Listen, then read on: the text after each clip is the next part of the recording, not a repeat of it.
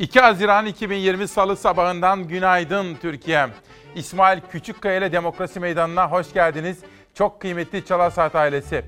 Amerika'da inanılmaz olaylar yaşanıyor. Arkadaşlarımız gece boyu meydana gelen gelişmeleri de dikkatle takip ettiler.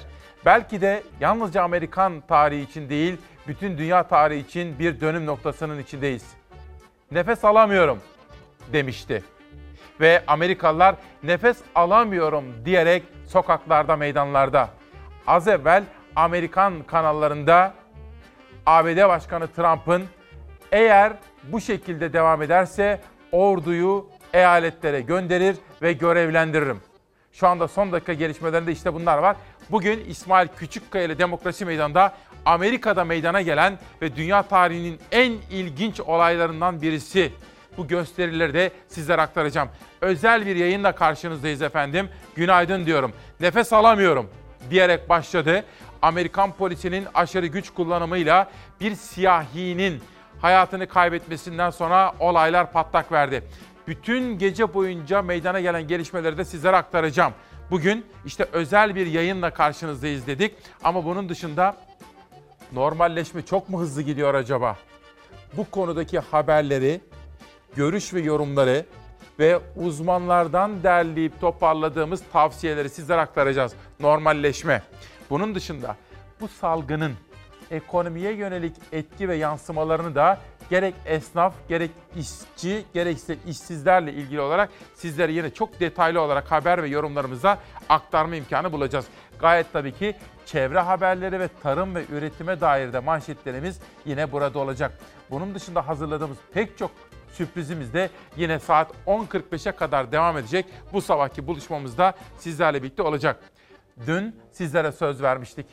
65 yaş üstündeki vatandaşlarımızdan gelen mesajları derleyip toparladık. Onlara söz vermiştik. Bu sabahki Çalar Saat gazetemizde onlar da nefes almak istediklerini belirtiyorlar. Onların da sesini duyurmaya gayret edeceğiz. Ama önce işte bakın nefes alamıyorum diyor. Her şey şöyle başladı. Bir Amerikan polisi bir Amerikan vatandaşının, bir siyahinin aşırı şiddet kullanımıyla birlikte hayatını kaybetmesi. Bir siyahi hayatını kaybedince Amerika'da böylesine çok olaylar meydana gelmeye başlamıştı ve olayların ardı arkası kesilmiyor. Son dakika gelişmesini veriyorum. ABD Başkanı Trump dedi ki eğer eyaletlerde valiler gereğini yapmaz ise, eğer göstericiler durmaz ve durulmaz ise o zaman eyaletlere orduyu göndereceğim dedi Amerikan Başkanı.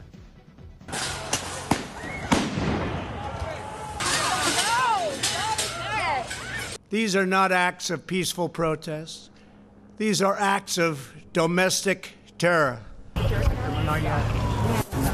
Trump terör eylemi diye tanımladığı protestoların güçle bastırılması emrini verdi. Gövde gösterisi yapar gibi Beyaz Saray dışında yürüdü. Protestocuların ateşe verdiği kiliseyi ziyaret etti. Eline İncil aldı, poz verdi.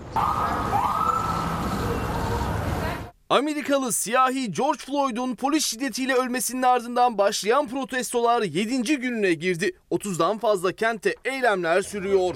Protestocular ve polis arasında çatışmalar yaşanıyor.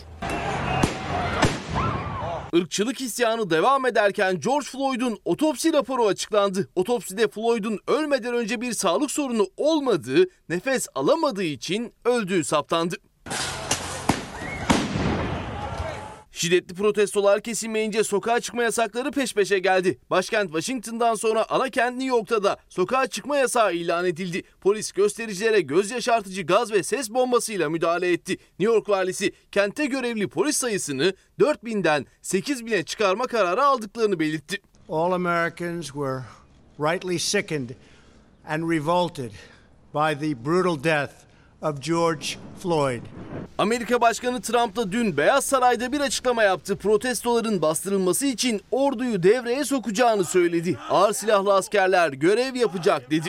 I am dispatching thousands and thousands of heavily armed soldiers, military personnel, and law enforcement officers to stop the rioting looting, vandalism. Protesto gösterilerini barışçıl eylem değil, iş terör eylemi olarak tanımladı Trump. Valilere olayları kontrol altına alın talimatı verdiğini açıkladı. I have strongly recommended to every governor to deploy the National Guard in sufficient numbers that we dominate the streets.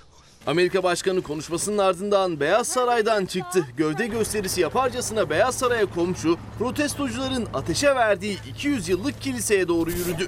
Trump, San John Kilisesi önünde elinde İncil'le poz verdi. Zafer Söken büyük bir dikkatle gelişmeleri takip ediyor. Bu sabahki buluşmamız içerisinde Amerika'da meydana gelen bu gelişmeleri, perde arkasını ve bunun Amerika'daki seçimlere ve aslında dünyaya etkilerini konuşacağız. Ana gündem maddelerimizden birisi bu olacak. Ve dün sizlere söz vermiştik.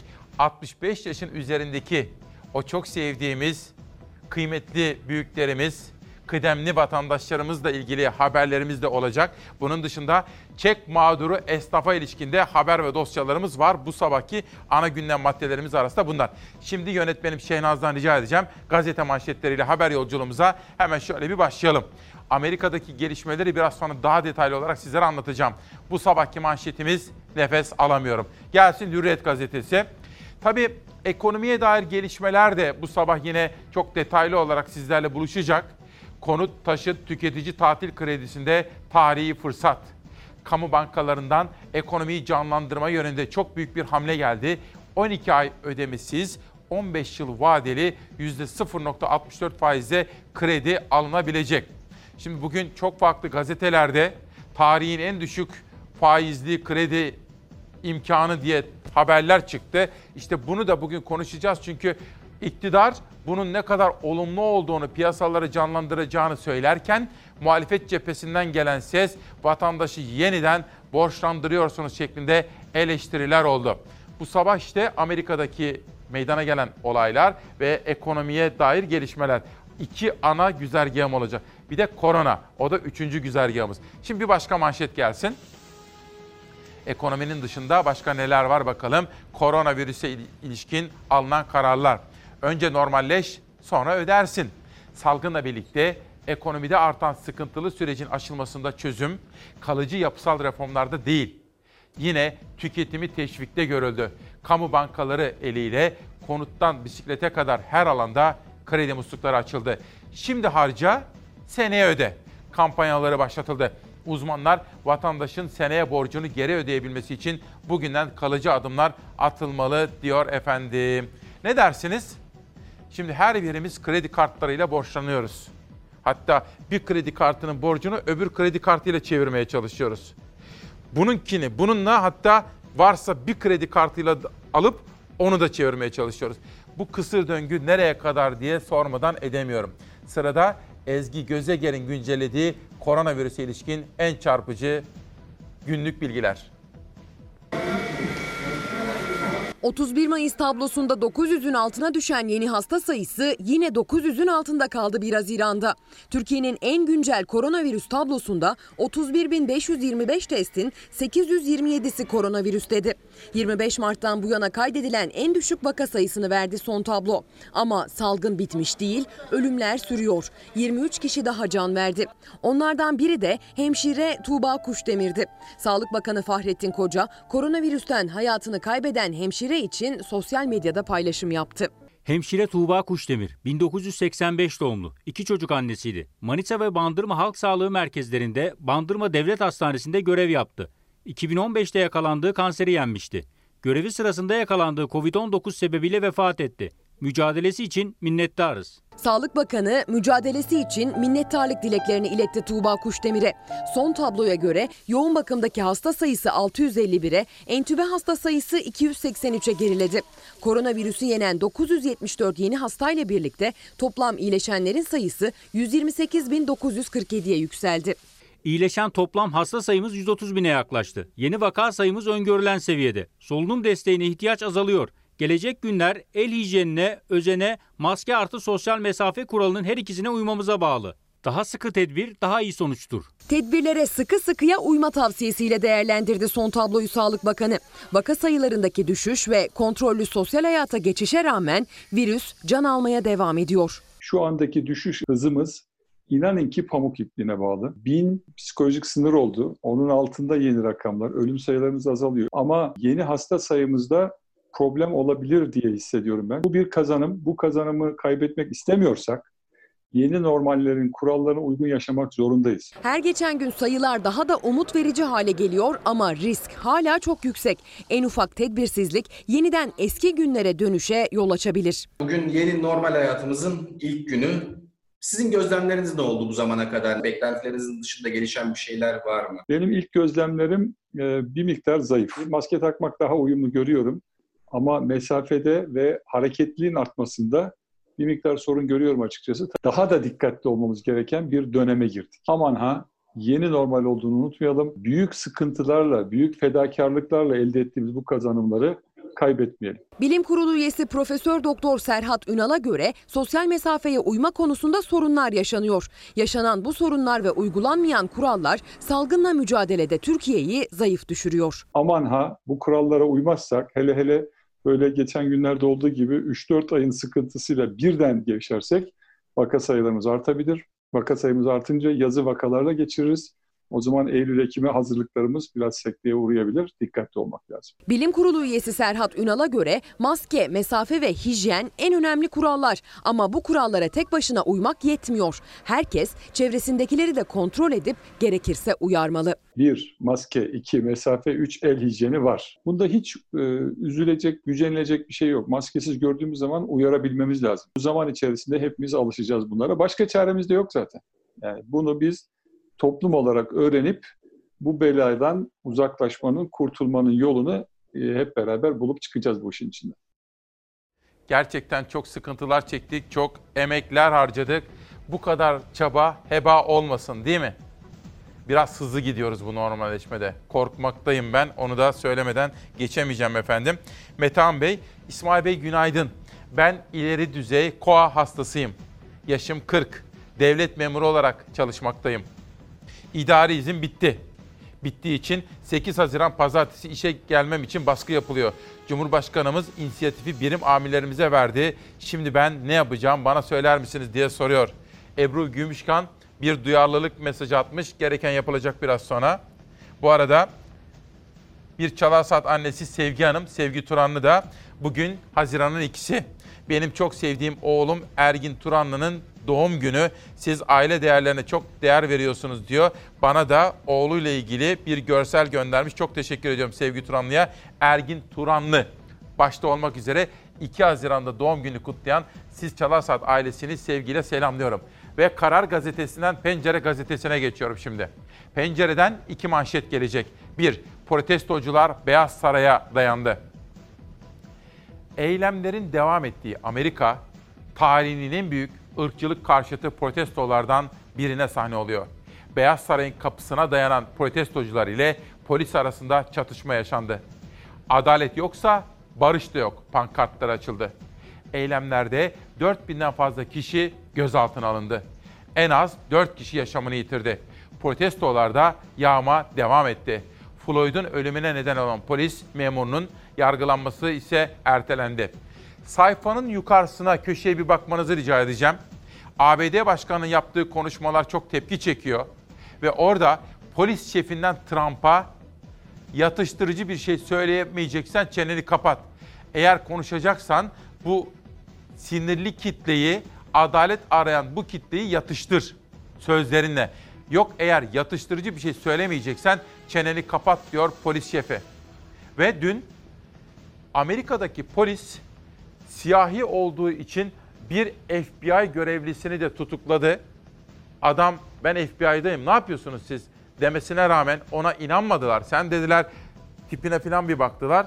Sen potansiyel suçlusun dediler. Ama adam sonunda çift kimlik kartını gösterdi ve adamın elindeki kelepçeyi çözmek zorunda kaldılar. Bu haberi de sizlere anlatacağız. Bugün İsmail Küçükkaya ile Demokrasi Meydanı'nda nefes alamıyorum diyen Amerikalıların manşetini aktarmaya gayret edeceğiz efendim. Çünkü dünya tarihi değişebilir. dikkatle takip etmekte fayda var. Pencereden bir haber daha rica edeceğim. Endişe etmemek mümkün değil.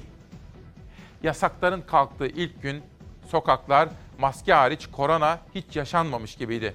Profesör Azap görüntüler üzerine kaygısını dile getirdi. Normalleşme sürecinin ilk gününde milyonlarca insan işe gitmek için dışarı çıktı. Trafikteki yoğunluk ve otogardaki keşmekeş görüntüleri kontrolsüz normalleşmeyi göz önüne getirdi.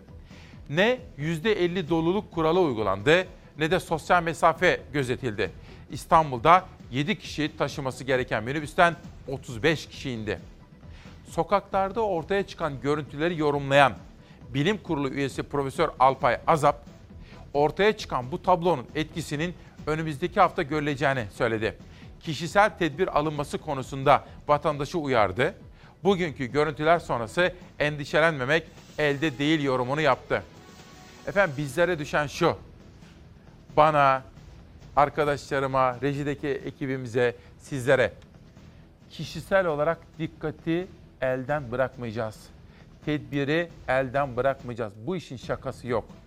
Biz bu virüsü henüz yenmiş değiliz. Üstesinden gelmemiz için daha da gitmemiz gereken yol ve almamız gereken tedbirler var. İşte bu sabah bunları da konuşacağım. Ama önce Türkiye'mize başsağlığı dilemek isterim. Siirt'te bir kaza. Kirpi dediğimiz askeri aracımız uçurumdan yuvarlandı. Yaralılarımız var ve maalesef şehitlerimiz de var.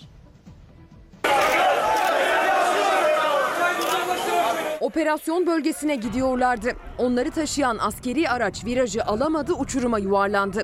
İki asker şehit oldu, yedi asker yaralandı.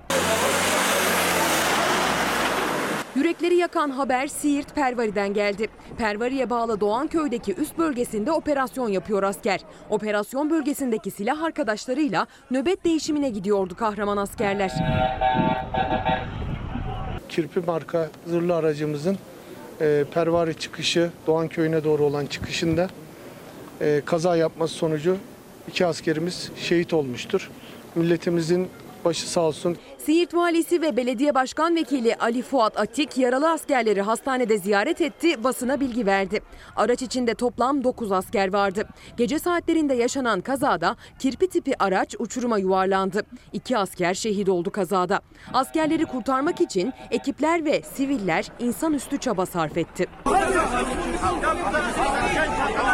Yaralı kurtulan 7 asker hemen Siirt Devlet Hastanesi'ne yetiştirildi. Ancak askerlerden birinin durumunun ağır olduğu öğrenildi. Yaralı askerlerimize de acil şifa diliyorum. Dün bir olay meydana geldi.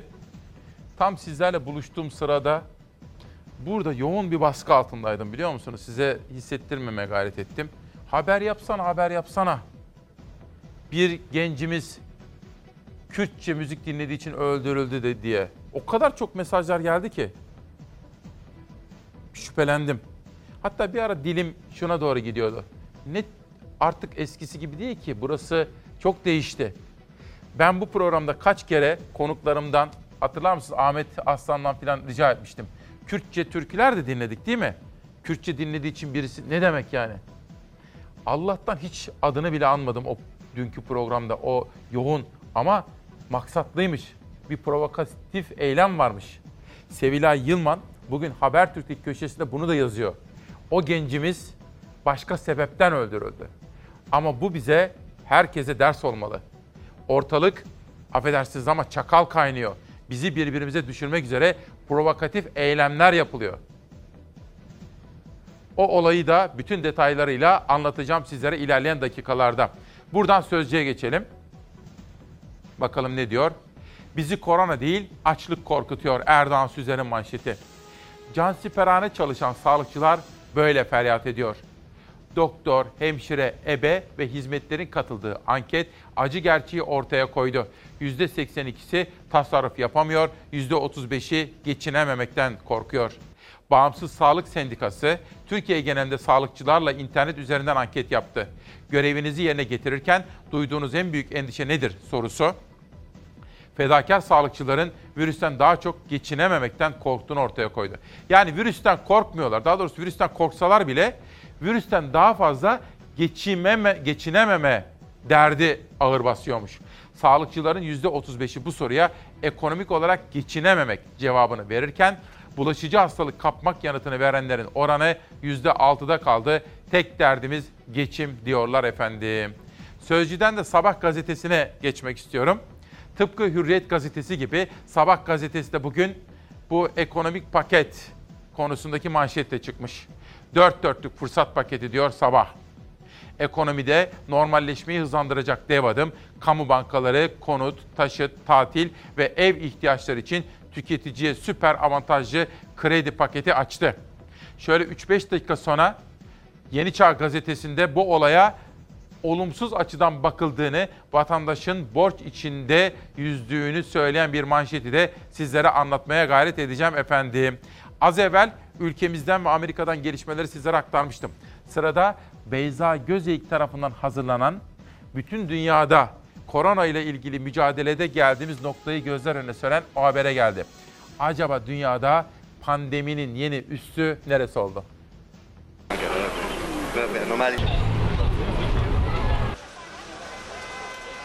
Salgının yeni merkez üssü Latin Amerika ülkelerinde vaka sayısı 1 milyonu geçti.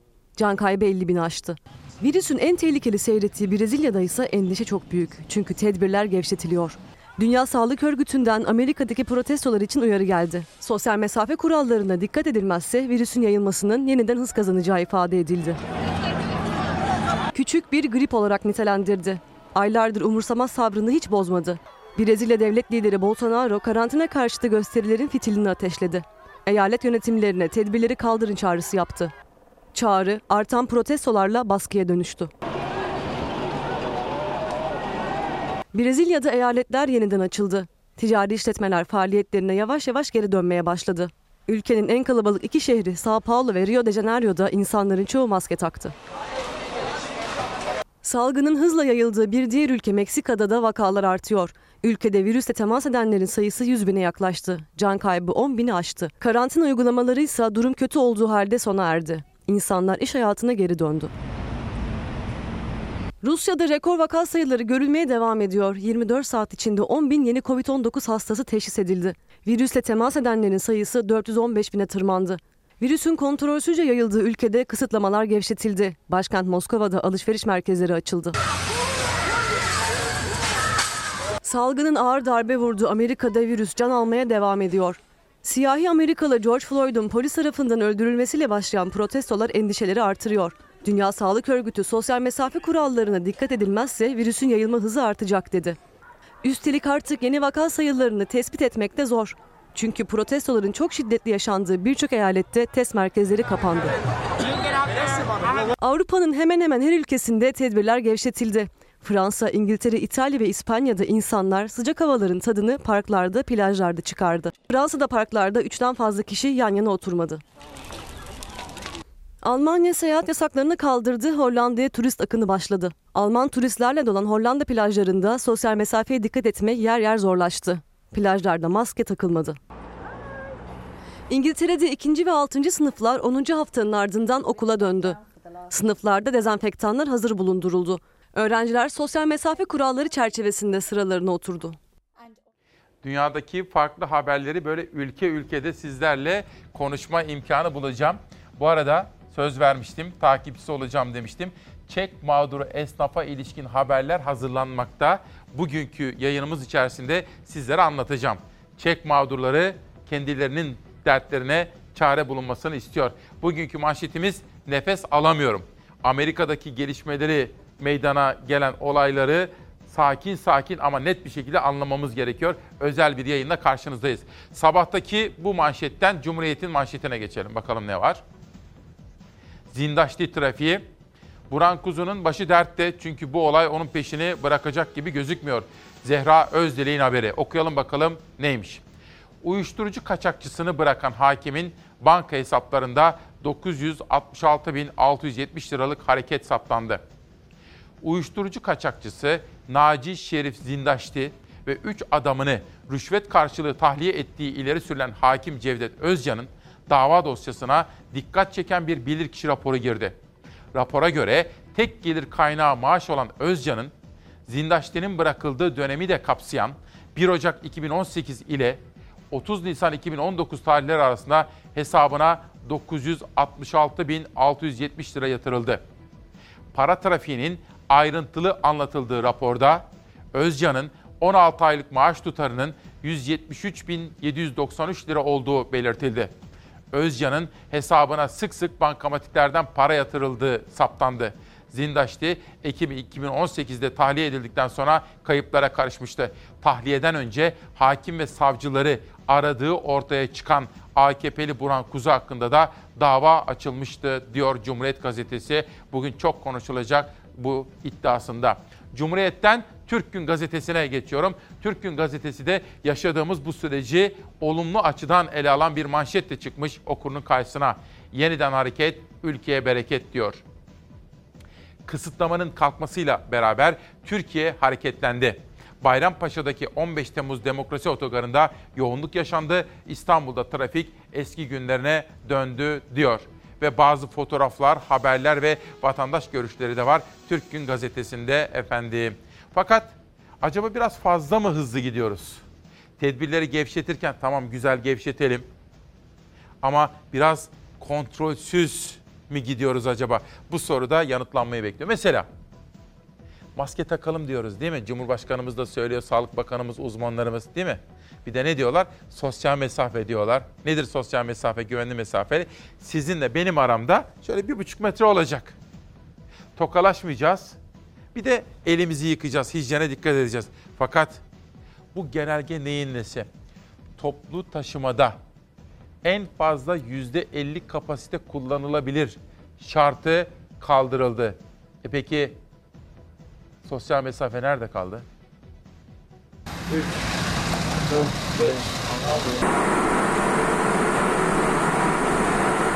Toplu ulaşımda yarı kapasite yolcu zorunluluğu kaldırıldı. Şehir içinde ayakta yolcu alımı ise yasaklandı. Sosyal mesafeye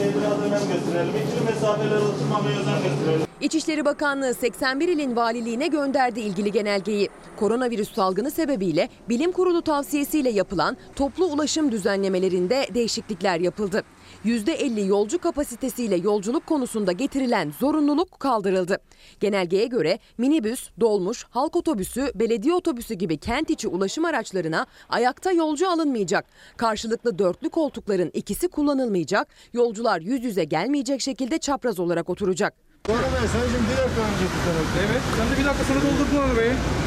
Sonra doldurduğumuz mu var ha güzel abim. Zaten orada dururken arabada olmuş. Ben de çıktım. Sen ceza yazarken millet bilmiş. Metro, metrobüs ve tramvay gibi kendine has oturma düzeni olan toplu ulaşım araçları için il, ilçe hıfzı sıha kurullarınca alınacak kararlar belirleyici olacak. Bu araçlara ayakta yolcu alınıp alınmayacağı, sosyal mesafeyi koruyabilmek adına yolcu kapasitesinin hangi oranda tutulacağını hıfzı sıha kurulları belirleyecek.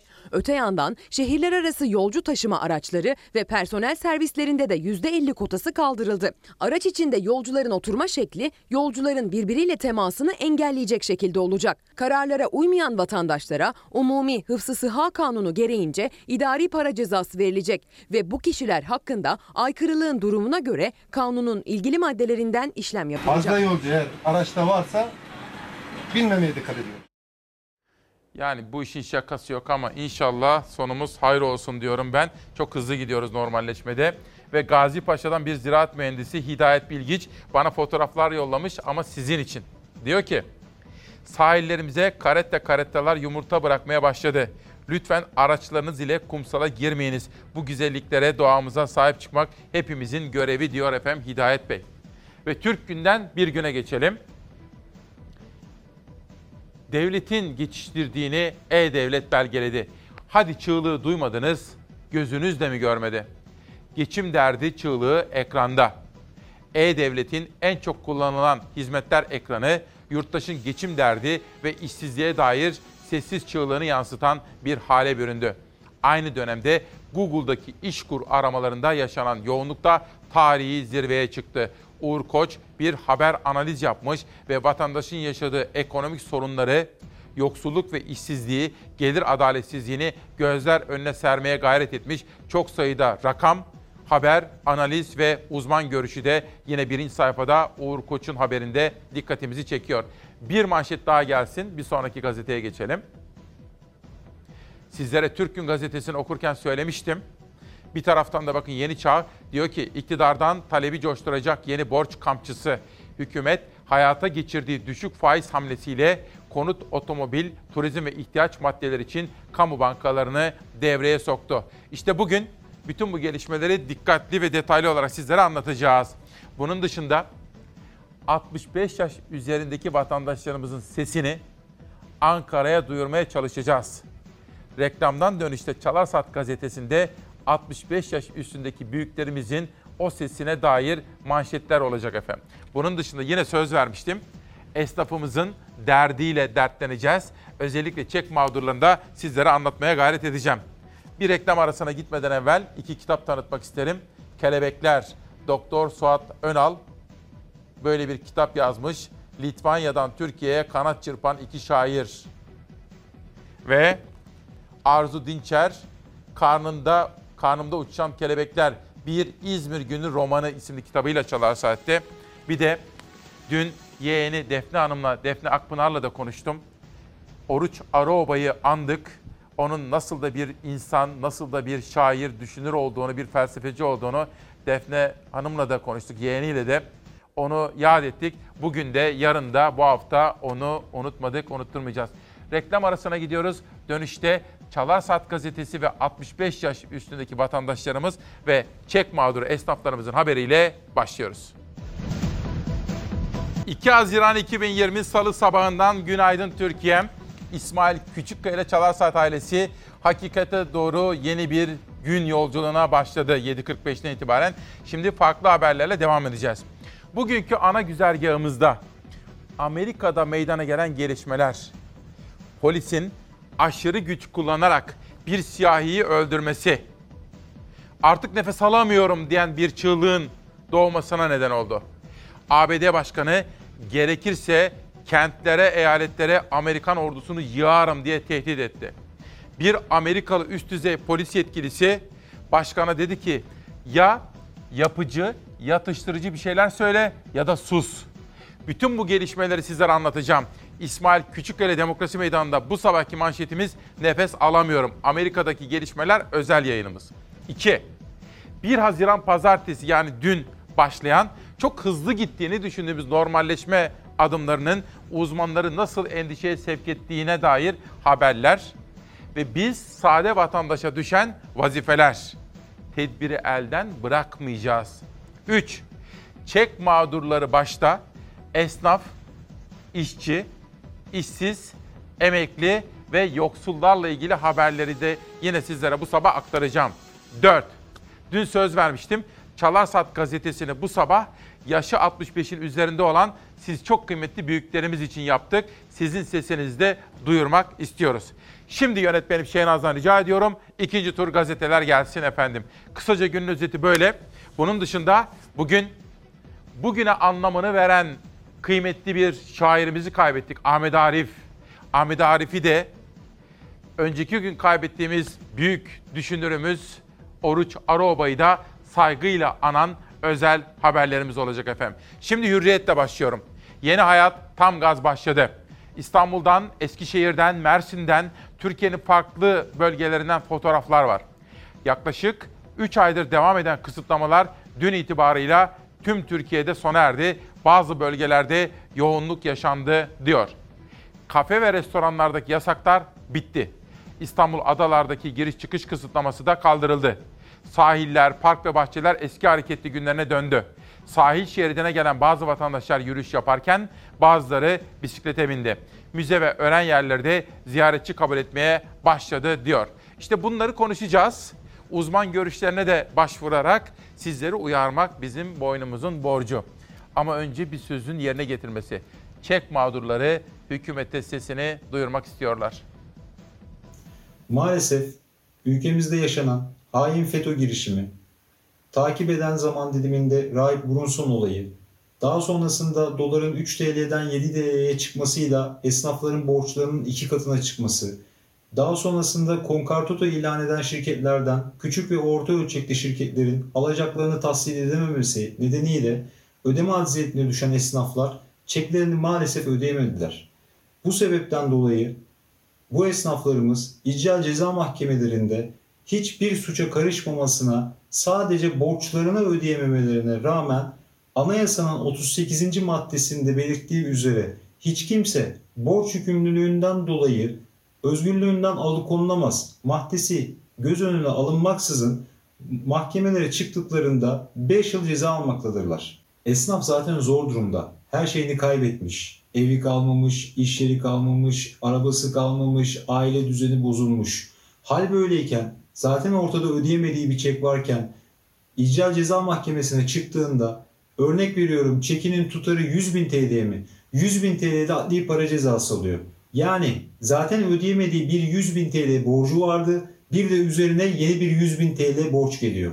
Ancak hak verirsiniz ki bir iş insanı zaten her şeyini kaybetmiş, ortada hiçbir şey kalmamış, bütün geleceğiyle ilgili planlaması bozulmuşken, yılların birikimleri yok olmuşken ödeyemediği çekine yeni bir çek tutarı kadar ceza yiyor. İşte burada felaket başlıyor. Felaket nedir? Mahkemelerin verdiği adli para cezasını 30 gün içerisinde veya hakimin takdir ettiği e, ay sayısı kadar taksitle ödeyemediği takdirde esnaf kendini hapiste buluyor. Bu felaket ötesi bir şey. İnsanlar borçtan dolayı hapiste terbiye edilemez. Bu terbiyenin e, cezaevlerinde olmayacağını iktidarımızın görmesi gerekir. 24 Mart gecesi yangından mal kaçırırcasına Covid-19'un olduğu bir ortamda çek mağdurları için bir torba yasa çıktı. Bu torba yasada sizleri 3 aylığına serbest bırakıyoruz. Ancak 3 ay içerisinde ödeyemediğiniz çek tutarının %10'unu ödemek kaydıyla sizleri serbest bırakıyoruz diyerek şartlı tahliye yasası çıktı. Şimdi soruyorum size her şeyini kaybetmiş bir iş insanı evi yok, işi yok, arabası yok, herhangi bir sermayesi yok. Cezaevinden çıkarak olmayan bir düzenin içerisinde bir Covid ortamında her şeyini kaybetmişken nereden para kazanacak? Çek mağdurları sesini duyurmak istiyordu. Biz de aracı olduk. Dün Dim TV'de Alanya Spor'un teknik direktörü vardı. Ben de sabah Mehmet Ali'ye sordum. Dedim ki Fenerbahçe'ye geliyor mu dedim. Sezon sonunda dedi. Daha önce şampiyonluk düğümünün çözülmesi bekleniyormuş. İlgi çekici detaylar var ama off the record olarak da aldım. Bu arada bir Fenerbahçeli kardeşim de bana soruyor. Geçen gün moral verdin bize. Şampiyonluk bir gelirse arkası gelir dedin diyor. Neye dayanarak söyledin diye bana soru soruyor. Belki ilerleyen dakikalarda konuşuruz. Yavuz Eser, sevgili İsmail, pandemi öncesi bizde zaten bir ekonomik daralma vardı. Şimdi pandemiyle zirve yaptı. Esnaf, çiftçi, emekli zaten nefes alamıyorum derken şimdi de devletimiz daha fazla borçlanın diyor. Ben bu işi anlamadım diyor Yavuz Bey. Hürriyetten pencereye geçelim. Bugün Hürriyet'ten iki ayrı kuşakta iki manşet sundum sizlere. Sırada pencere var. HDP 9 maddelik yeni dönem strateji tutum belgesini açıkladı. Muhalefete Demokrasi İttifakı çağrısı. Eş Genel Başkanlar Pervin Buldan ve Mithat Sancar, eşitlik, adalet ve özgürlük vurgusu yaptı. Açıklanan strateji belgesiyle muhalefeti birlik olmaya çağırdı. HDP'nin yeni dönem strateji hattı ve tutum belgesini eş genel başkanlar Pervin Buldan ile Mithat Sancar tarafından açıklandı. Sancar, krizin kaynağı maddi ve manevi imkanların doymak bilmeyen bir azınlığın kar hırsına teslim edilmesidir. Eşitlik, adalet, özgürlük değerlerini savunmak sorumluluktur. HDP bu değerlerin mirasını esas, alarak bu gidişatı durdurmak için mücadele edecektir dedi. İşte HDP'nin hep birlikte sloganıyla açıkladığı 9 ilke şöyle. 1. Hak, hukuk ve adalet için diyor. 2. Demokratik bir anayasa için. 3. Demokrasi için. 4. Kürt sorununda demokratik çözüm için. 5. Savaşları durdurmak için. 6. iş ve aş için. 7. Kadınlar için. 8. Gençler için ve 9 doğa ve yaşam için diyor HDP'nin eş genel başkanları. Pencereden sonra Hürriyet Pencere bir sonraki gazete gelsin rica edelim. Sözcü FETÖ'nün hedefindeki 40 general emekli edildi. Şimdi bu aslında ben yönetmenim Şehnaz'dan rica edeceğim. Ana haberimizde bu konu çok iyi çalışılmıştı dün. Saygı Öztürk'ün dün sabah sizlere aktardığım yazısı üzerinden bir darbe tartışması vardı. O darbe tartışmasının içerisinde Tuğrul Türkeş'in başbakanlıktaki odasına gidiyordu. Kim hatırlayın? Dişli. Hulusi Akar'la birlikte Dişli darbenin iki numarası.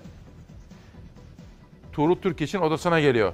Tuğrul Türkeş ile Hulusi Akar arasında bu kişi darbeci işaretleşmesi oluyor. Sonra Tuğrul Türkeş çok akıllı bir hamleyle bu kişiyi yani darbeciyi, FETÖ'cüyü yan odaya kanepeye alıyor. O sırada polisler gelip onu uyurken alıyorlar. O haberi okuyacağım sizlere. Bulduk bir şey Naz? Harika. Kumpas mağduru Mustafa Önsel anlattı. FETÖ'nün hedefindeki 40 general emekli edildi. Önsel son kitabında 15 Temmuz'dan sonra bile vatansever subayların tasfiye edildiğini belirtti. Bu Can Özçelik'in haberi. İşte emekli kurmay Albay Mustafa Önsel'in tespitleri. Darbe girişiminin yaşandığı 2016'dan sonraki 3 yaşta tuhaf işler oldu. FETÖ'nün hedefinde 58 general vardı. Son 3 yıldaki yaşlarda 40'tan fazlası emekli edildi. O halde tam da zamanı. Eski Başbakan Ahmet Davutoğlu'nun hatırlattığı, MİT Başkanı'nın da hazırlatmış olduğu, yani MİT'in de görevini yerine getirmiş olduğu ve o dişlinin emekliye sevk edilmesine dair tavsiye kararı. Bütün bunlar ortada dururken MİT Başkanı ve dönemin Başbakanı emekliye edelim derken dişliği iş başında kim tuttu da biz 15 Temmuz hain FETÖ kalkışmasını yaşamak ve o ağır bedeli ödemek zorunda kaldık. Neden ve kim yaptı bunu?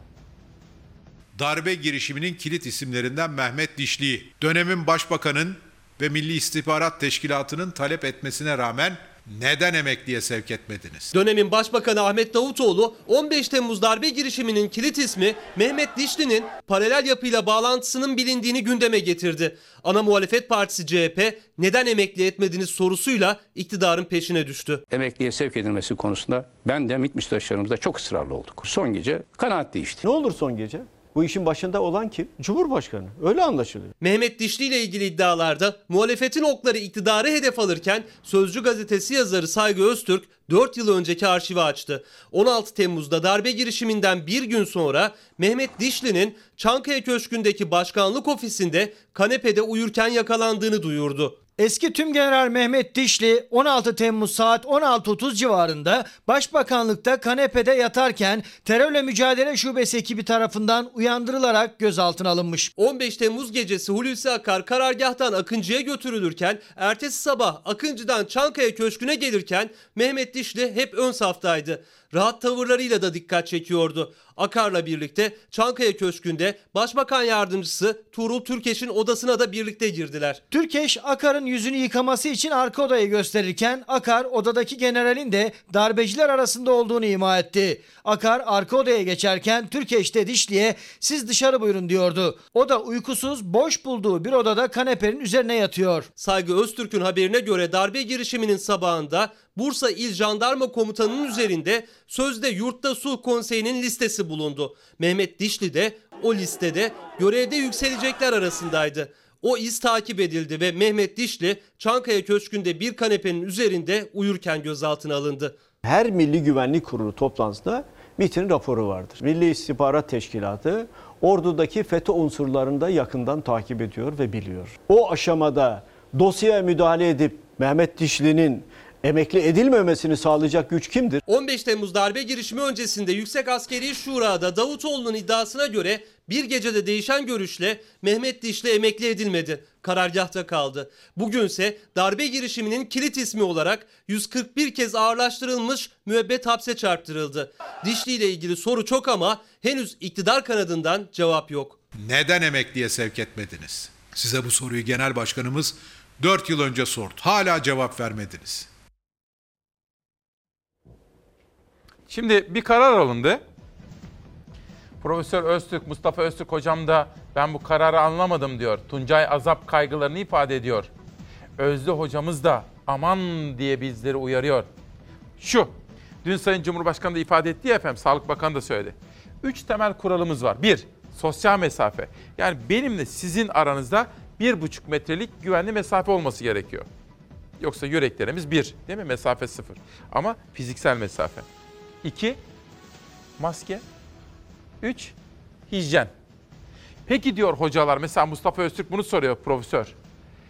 İyi de sosyal mesafe kuralı uyulmayı beklerken toplu taşımada biz bu kuralları neden kaldırdık?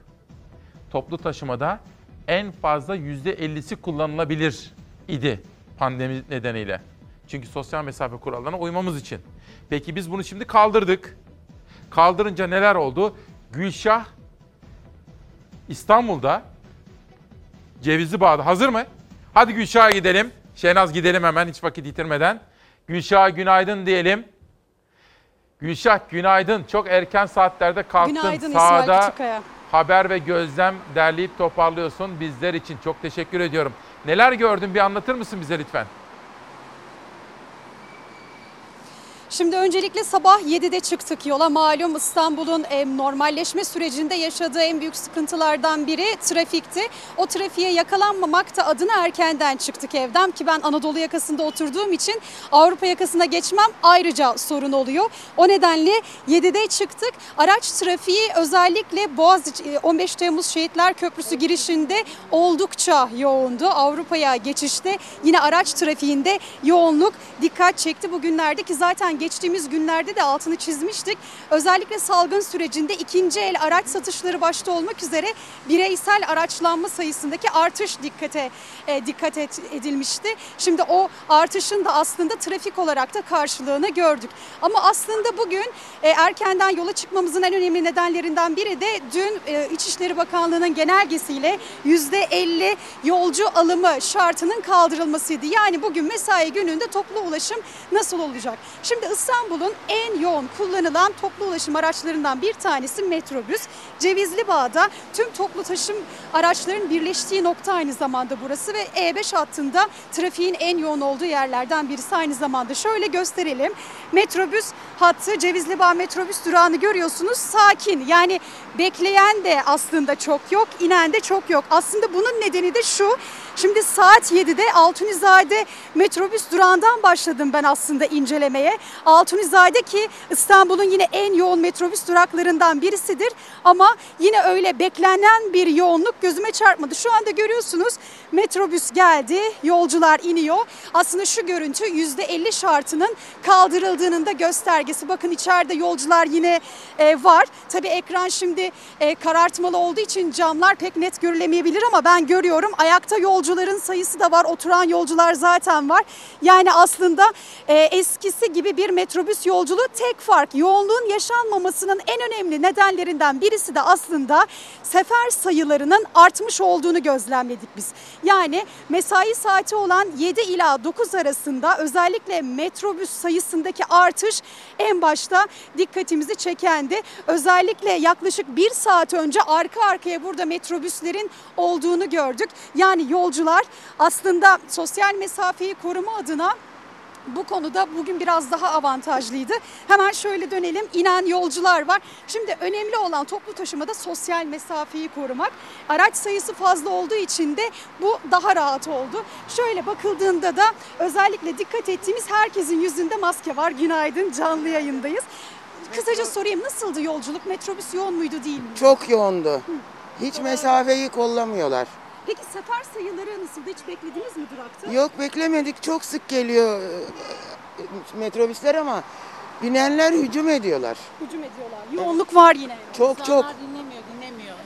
İnsanlar dinlemiyor. Şoför itiraz e- etse bile kesinlikle dinlemiyorlar. Şoför itiraz etti mi? Ya Duydunuz mu? Uyarılar itiraz etti, uyarıyor. Daha önce uyardı. Ben duydum çünkü. Bugün ama bugün önemli. Bugün e, uyarmadı. Adam ne yapsın? Dinlemiyorlar. Dinlemiyorlar ki. Biz de uyardık. Aslında bundan sonra şimdi İçişleri Bakanlığı genelgesiyle yüz, çok teşekkür ederiz. İçişleri Bakanlığı genelgesinde %50 kısıtlamasının kaldırılmasının ardından ve bu konunun tartışılmasının en önemli den- nedenlerinden biri de buydu. Denetim nasıl sağlanacak? Az önce hanımefendiler söyledi. Biz uyardık. Şoför uyardı ama iş aslında uyarı boyutuyla kalacak. Çünkü yasak kaldırıldığı için bunun bir yaptırımı olmayacak. Tabii bu genelge 81 il için geçerli. Ama mevzu İstanbul olunca, Türkiye'nin en kalabalık şehri olunca 16 milyon bir nüfustan bahsediyoruz. E, esnaf da artık kepengini kaldırdı. Dolayısıyla iş gücüne katılım da arttı. Evde kalma e, süreci artık bir level üzerine çıktı. Çünkü evde kalmalar da azaldı. Herkes sokakta mesaiye gidiyor. O nedenle toplu taşıma kullanımı giderek artacak ama İstanbul gibi yoğun bir şehirde işte bu denetim nasıl sağlanacak ki? Geçtiğimiz günlerde ki dün de yine benzer görüntüler yaşanmıştı. Şimdi toplu taşıma araçların ebatları küçülünce bu sosyal mesafe daha da zorlaşıyor. Daha dün 9 kişi alması gereken bir minibüste 35 kişi indi. Yani yasak olsa bile aslında bu tarz görüntüler çokça yaşanmıştı. Şimdi İstanbul'un yine Cevizli Bağ'da en çok kullanılan metro hatlarının birinin önündeyiz. Burası Kabataş'a kadar gidiyor Bağcılar'dan Eminönü oradan da Kabataş'a giden bir metro hattı. Şimdi bekleyen yolcuları görüyorsunuz. Ee, sabah özellikle 8'de biz bu Cevizli Bağ'a geldiğimizde buradaki yoğunluk daha da fazlaydı. Şöyle vagonlara bakalım.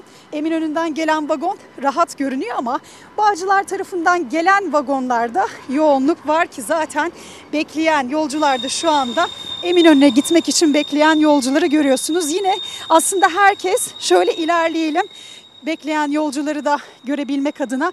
Şimdi görevliler, güvenlik görevlileri zaten görevleri başında. Özellikle dikkat ettik görevliler maskesi olmayanları uyarıyorlar. Yani maskesi olmayan hiç kimse duraklara alınmıyor, toplu taşıma araçlarına binemiyor. Yani bu noktadan sonra denetim, tüm yetki ve aslında e, hassasiyet de biraz da yolculara bırakılmış görülüyor. Tabii şunun da altını çizelim az önce aktardık. Metrobüste özellikle mesai saatlerinde sefer sayıları artırıldı. Metroda salgın döneminde 4 vagonlu işleyen hatlar vardı. Ama bu yeni dönemle birlikte o vagon sayısı da 8'e çıkarıldı. Yani o sosyal mesafeyi korumak adına biraz da yolcuların üzerindeki yükü almak adına bu şekilde önlemler de alınmış görünüyor. Şu şekilde son olarak da minibüsleri gösterelim size. Aslında şu süreçte en büyük sınavı onlar verecekler. Yani yasak boyunca o fazla yolcu sayısını e, çok, en çok rastlandığı hat olan minibüs hatlarında bundan sonra nasıl görüntüler yaşanacak o da merakla bekleniyor İsmail Küçükkaya. Gülşah İnce yani o kadar güzel anlattın ki sahada tabii çok başarılı bir gazetecisin. Çok teşekkür ederim. Soru bile bırakmadın bize. E, kamerada kim var bugün? Ercan Canik. Ercan Canik. Ercan'a da çok selamlar ve teşekkürler. Her ikinize de teşekkür ediyoruz. Çok güzel iş sağ ol. Var ol. Bakın sahada nasıl güzel anlattı. Hemen oradaki iki röportajda da demek ki sefer sayıları artırılmış. Ancak görevler uyarmalarına rağmen vatandaş acaba ne kadar uyuyor? Gözlemlerimiz şu. Herkes maske takıyor. Bu güzel. Fakat bunun dışındaki adımları da düşünerek, sorgulayarak her birimiz kendimizin ve başkalarının sağlığını düşünerek adım atmamız gerekiyor. Devam edelim efendim şimdi gazete manşetlerine. Hürriyeti sunmuştum. Evet, buraya da geçmiştik. Bir gündeydik en son. Sonra aydınlığa geçeceğim. Odalarla değil, sorunlarla ilgilenin. Odalar ve meslek örgütleri bugün çalışmalarına başlayacak olan meclise çağrıda bulundu. Meslek örgütlerinin yapısıyla değil, ülkenin yakıcı sorunlarıyla ilgilenin. Salgın nedeniyle 17 Nisan'da tatile giren meclis bugün çalışmalarına yeniden başlayacak. Meclisin gündeminde AKP'nin hazırladığı baro ve meslek odalarının yapısının değiştirilmesi ve siyasi partiler yasası gibi pek çok düzenleme var. Meslek örgütleri, Türkiye Mimar Mühendis Odaları Birliği, Türk Tabipleri Birliği, TÜRMOP ve TDB'nin de aralarında olduğu meslek örgütleri yayımladıkları ortak açıklamada meclisi ülkenin yakıcı sorunlarıyla ilgilenmeye davet ettiler diyor. Bir de koronavirüs dünyada pandeminin yeni merkez üssü neresi oldu? Sizin dikkatinizi Latin Amerika ülkelerine çekmek istiyorum. Salgının yeni merkezi Latin Amerika'da virüsün seyri şiddetlendi. Ancak sıkı tedbirler daha fazla uzatılamadı. Tedbirlerin gevşetildiği Kolombiya'da virüs yaşamı tehdit ediyor. Hükümet karşıtı protestoların devam ettiği Arjantin'de vakalar artıyor. Salgının kontrolsüzce yayıldığı Brezilya'da ise 16 futbolcuda virüs tespit edildi. Latin Amerika ülkelerinde virüsün seyri bugün en şiddetli zamanlarında belki ama tedbirler gevşetiliyor. Çünkü ekonomik kriz baskısı halkı daha fazla evde tutmaya müsaade etmiyor. Özellikle bu ülkelerin fakir mahallelerinden gelen görüntüler hijyen sağlamanın imkansızlığını gözler önüne seriyor. Burası Peru'nun başkenti Lima'nın en fakir semtlerinden biri. Gelir eşitsizliğinin uçlarda olduğu ülkede virüsle mücadele kapsamında okullar tatil, eğitim ise internet üzerinden veriliyor. Ancak fakir semtlerde internet çekmiyor. Çocuklar küçük barakalarda kurulan geçici sınıflarına ulaşmak için tepeleri aşıyor. Virüsle temas etmeleri ise an meselesi. Kolombiya'nın başkenti Bogota'da virüsle mücadele imkansızlıklar içinde sürüyor. Tıbbi malzeme yetersizliği sağlık çalışanlarını geçtiğimiz haftalarda isyan ettirdi. Ancak ülke daha fazla kilit altında tutulamadı. Normal hayata geri dönüldü. Marketler, pazar yeri ve işletmeler açıldı. Arjantin'de virüsle temas edenlerin sayısı 20 bine tırmandı. Kısıtlamalar ise devam ediyor. Ancak halk hükümetin salgınla mücadele politikalarını haftalardır protesto ediyor. Kısıtlamaların ekonomik krizi ve açlık sorununu derinleştirmesi öfkeye sebep oluyor. Güney Amerika ülkesi Brezilya'da Covid-19 tehlikesi ciddi seyrediyor. Virüse karşı umursamaz sabrını sürdüren devlet lideri Bolsonaro'nun yerel yönetimlere baskısı pes ettirdi. Ülkede şehirlere ayrı ayrı uygulanan kısıtlamaların çoğu kalktı. Hayat normal akışına geri dönmeye başladı. Vaka sayısı en yüksek ikinci ülke olan Brezilya'da virüse temas edenlerin sayısı 530 bine dayandı. Brezilya 1. Futbol Ligi ekiplerinden Vasco da Gama'nın 16 futbolcusunda virüs tespit edildi. Futbolcular karantinaya alındı.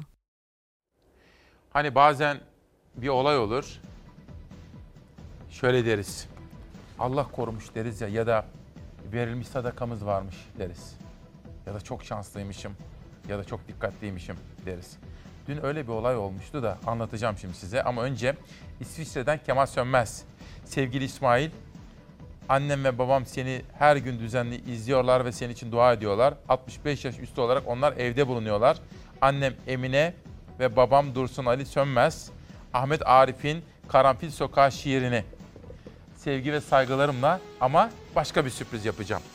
Şimdi Sevilay Yılmaz'ın bugün habertürk.com'daki yazısı. Neden dün için öyle söyledim onu anlatacağım size. Sevilay Yılmaz bugün Barış Çakan olayını duymuşsunuzdur diyor. Ankara'da Barış Çakan adlı genç Kürtçe müzik dinlediği için hunharca öldürüldü şeklinde yorum yapan haberler vardı dün. Fakat olay hiç de böyle değildi. Olayın sebebi başkaydı. Barış Çakan'ın etnik köken üzerinden algı yapıp Türkiye'yi Amerika'nın yasa dışı iç savaş yaşadığı iç savaş ortamına dönüştürme peşinde olan provokatörlere de lanet olsun diyorum. Sevilay Yılmaz'ı isyan ettiren neydi? Dün 7.45'e sizlere günaydın dedikten sonra 10.45'e kadar yüzden fazla mesaj geldi. Çok farklı yerlere. Instagram, Twitter, mail, şuraya buraya. Kimisi teşvik ediyordu. Haberleri bir tek sen verebilirsin. Versene haber. Altında şu. Bir genç Kürtçe müzik dinlediği için öldürüldü. Allah Allah dedim. Sonra beni kışkırtanlar. Erkek sen söyle, gazeteciysen söyle. Bak işte böyle bir şey olamaz dedim. Aklımdan geçti. Bu işin içinde bir bit yeni olmalı dedim. Ama kaptırsan kendini, önlemini almasan, söylesen ne kadar yanlış iş olacak. Aklımın ucundan, dilimin ucundan şu geçti. Diyecektim ki o haberi okuyup ama hakim değilim. Böyle bir iddia var, araştıracağım diyecektim. Editörüme de rica edeceğim, o da araştıracak diyecektim. Fakat onu bile yapmadım. İyi ki de yapmamışım. Neden? Hatta şöyle diyecektim. Ya diyecektim ben bu programda defalarca Kürtçe şarkılar istedim canlı yayın konuklarımdan. Bir şey olmadı. Türkiye o eski zamanlar aştı. Ahmet Aslan Taş şurada türkü söylüyordu da bir Zazaca söylesene demiştim. Zazaca da söylemişti. Allah korumuş. İyi ki de tedbir elden bırakmamışız. Hiç bahsetmemişiz. Meğer işin içinde çok tehlikeli bir provokatörlük girişimi varmış. Sevilay da onu söylüyor.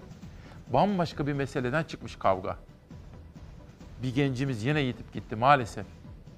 Ama toplumu birbirine düşürmeye çalışanlar. İzmir'de bakın o hoparlöre girerek halkı birbirine düşürmeye çalışmak da bir provokasyondu.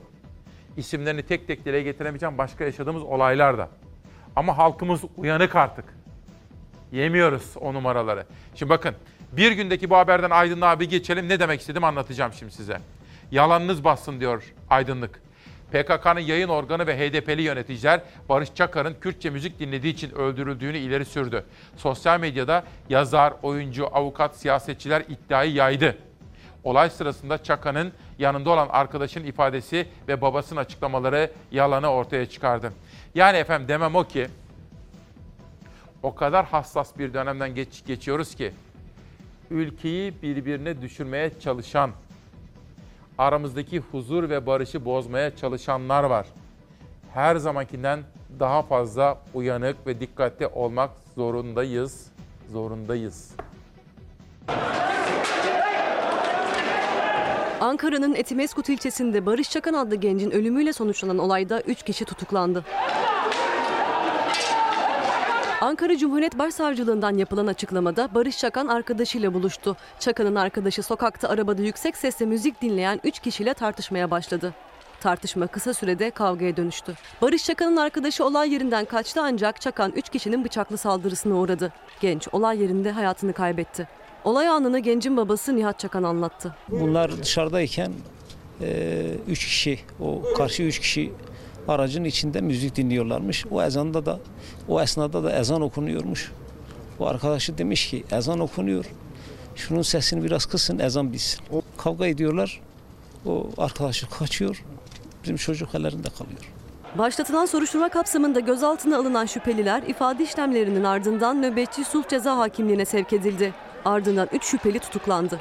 Başsavcılık olayla ilgili soruşturmanın sürdüğünü açıkladı. İçişleri Bakanı Süleyman Soylu, Barış Çakan'ın ailesine taziye ziyaretinde bulundu.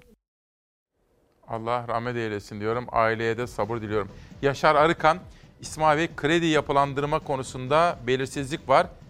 Halkbank'tan yeni oranlarda yapılandırma istedim ancak banka şubesinde ne yapacağını bilemiyorlar. Lütfen detayları açıklarlar mı diyor Yaşar Arıkan efendim. Dünyanın manşetlerine sıra geldi.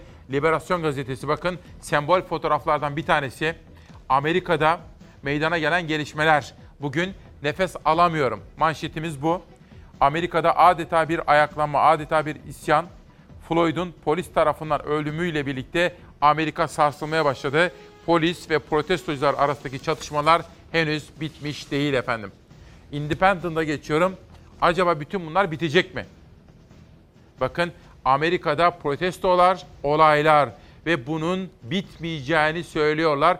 Özellikle de olayların çıktığı Minneapolis'te Andrew Buncombe böyle bir rapor vermiş ve diyor ki bu bitecek gibi değil diyor efendim.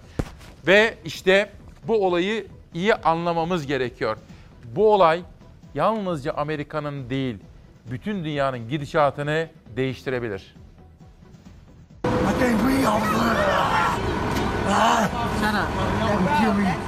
Nefes alamıyorum, ölüyorum dedi ama dinlemedi polis. Siyahi Amerikalı nefessiz kaldı, hayatını kaybetti. Onun ölümü bir ülkeyi ayağa kaldırdı. Irkçılık karşıtı eylemlerin alevi giderek büyüdü. Oh my God, it's so hot!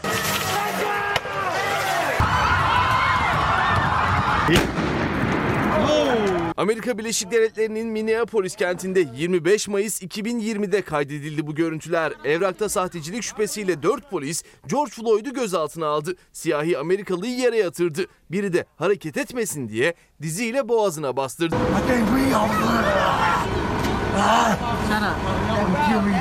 Ambulansın gelmesine dek dakikalar sürdü o anlar. Floyd polise yalvardı. Nefes alamıyorum dedi. Feryadı karşılık bulmadı. 46 yaşındaki George Floyd kaldırıldığı hastanede hayatını kaybetti. Onun gözaltına alınma anına ait video ise kısa sürede yayıldı. Sadece Amerika'nın değil tüm dünyanın kanını dondurdu. Floyd'un ölümüne yol açan polis tutuklandı. Üçüncü derecede cinayetle suçlandı. Amerikan polisinin siyahilere karşı bu tavrı ilk değildi. Ancak bardağı taşıran damla oldu. Irkçılığa karşı öfke hızla büyüdü, alev alev yandı.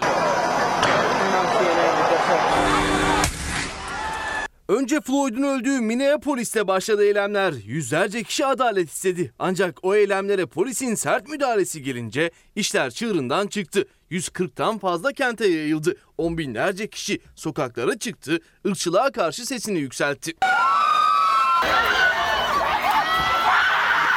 Göstericiler diz çökerek Floyd'u andı. Siyahların hayatı önemlidir sloganları attı. Polisin müdahalesi sertleştikçe barışçıl olarak başlayan gösteriler de şiddetlendi. Eylemciler polis araçlarına saldırdı, camlarını kırdı. Araçları ters çevirip ateşe verdi.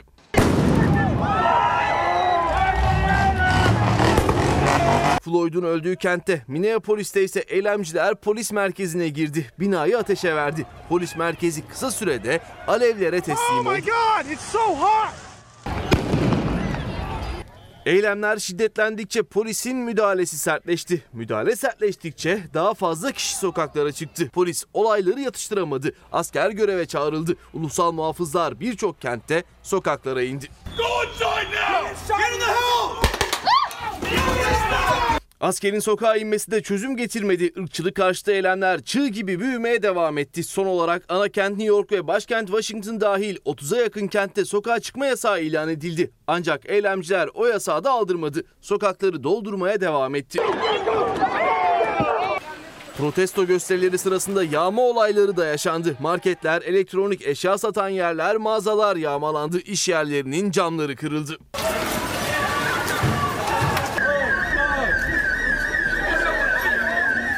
Olayların başında protestoculara karşı ılımlı mesajlar gönderen Amerika Başkanı Trump'ın gösteriler karşısında tavrı da değişti. Trump protestoları iş terör eylemi olarak tanımladı. Trump yanlıları da sokağa çıkmaya başladı. Bazı sürücüler araçlarıyla protestocuların arasına daldı. Bir kişi ok ve yayla, bir başka kişi ise kılıçla göstericilere saldırmak istedi. 30'a yakın kente ilan edilen sokağa çıkma yasaklarına rağmen göstericiler sokaklarda. Polisle aralarında zaman zaman çatışmalar yaşanıyor. Bir Zafer Söken dosya haberi. Güzel bir çalışma. Ve Antalya Manavgat'ımızda belediyemizin çekek yeri ve yat limanı olarak ayırdığı deniz kenarlarımızı golf oteli yapmak istiyorlar. Lütfen sesimizi duyurun. Denizlerimizi, sahillerimizi ranta kurban etmek istemiyoruz diyor Miraç. Miraç Ali Barlas bana yazmış Manavgat'tan efendim. Nefes alamıyorum. İşte bakın bu. Şu anda Amerika bunu yaşıyor. Üstelik de Kasım ayında yapılacak seçimlere giderken Amerika tarihinin gördüğü en çarpıcı olayların içinde. Orayı görelim arkadaşlar rica edelim. Bakın çok çarpıcı bir fotoğraf. Beni alalım. Heh, bakın. Şimdi nefes alamıyorum diyordu ve Amerika'da slogan olmuştu. Bakın şimdi Amerika'nın pek çok kentinde böylesine sloganlar atılıyor ve olaylar, sokağa çıkma yasakları hatta o kadar ki ABD Başkanı'nın Beyaz Saray'da güvenli sığınakta geceyi geçirdiğine dair New York Times'ın haberleri var efendim. Şimdi de yönetmenimden rica etsem yerel gazetelere şöyle bir çıkalım. 10 ayrı manşet. 9 ilimizden daha doğrusu 8 ilimizden 9 manşet. Yeni dönem. Önce dün sizlere duyurmuştuk acı bir olaydı. Hakkını helal et şehidim. Bursa'nın gazetesi. Şehit polis memuru Erman Özcan gözyaşı ve dualarla ebediyete uğurlandı. Dün akşam ana haberimizde de onun haberi vardı hatırlayacaksınız. Eşi ve evladı ona son yolculuğunda bulunurken hepimizin gözyaşları sel oldu aktı. Allah rahmet eylesin. Ailesine sabır diliyorum. Bursa'dan Elazığ'a geçiyorum. Elazığ Fırat gazetesinde bir manşet dikkatimizi çekiyor. Gakkolar Vali Çetin Oktay Kaldırım'a boşuna Vali Gakko demiyor. Vali Kaldırım salgınla mücadelede en başarılı il olduk diyor ve Kübra Türkan'ın haber yorumu valinin Elazığ'da almış olduğu tedbirler ve oradaki başarı manşette yer buluyor. Elazığ'dan Batman'a gidiyorum. Biriken borçları düşünüyoruz. 80 gün sonra kepenk açan kahve ve kıraathaneciler fiyat düzenlemesini istiyor ve bekliyor. Şimdi bu manşetin hemen altında çok hoşuma giden bir haberi sizlere anlatmak istiyorum. Savaş Yıldız'la birlikte yerel gazeteleri seçerken bu haber bizim gerçekten çok etkilendiğimiz bir haber oldu. Güneydoğu'nun en modern il halk kütüphanesi Batman'da açılışa hazırlanıyor. 16 milyon liraya mal olan binada aynı anda 2000 öğrenci okuma salonlarında kitap okuyabilecek. Ben de buna emeği geçen herkesi içtenlikle, sevgi ve saygıyla selamlıyorum efendim. Çocuklarımız kitap okusunlar. İzmir'e geçiyoruz. Ege'deyim. Yeni hayat başladı. Ha bunun haberi vardı. Yeni normal. Onu sizlere sunmak isterim şimdi. İzmir, Manisa, Aydın ve Denizli'de salgınla mücadele kapsamında kapanan birçok iş yeri ve mekan kontrollü normal hayata dönüşün ilk gününde yeniden açıldı. Trafik ve insan hareketliliği arttı. Yeni dönemin kurallarına şöyle bir yakından bakalım. Ama ben bakın ben kendi anneme, kardeşlerime, yeğenlerime, kendi sevdiklerime, ekip arkadaşlarıma, arkadaşlarıma hep şunu söylüyorum. Hızlı normalleşiyor olabiliriz. Ama lütfen bizler kurallara uyalım. Bir, dün İlyas'a da söyledim. Annemi bıraktı geldi. İlyas dedim tokalaşmak yok, öpüşmek yok. Sarılmak yok kimseyle. Yok. Sosyal mesafe, bir buçuk metreden fazla yaklaşmak yok. Ve elimizi sürekli olarak sabunlu suyla yıkamamız gerekiyor. Ve maske takmamız gerekiyor. Lütfen efendim siz siz olun. Kendinizin ve sevdiklerinizin sağlığı için bu kurallara uyalım. Ne kadar hızlı normalleşirsek normalleşelim. Biz yeni normaller diye bir kavramı öğrenelim.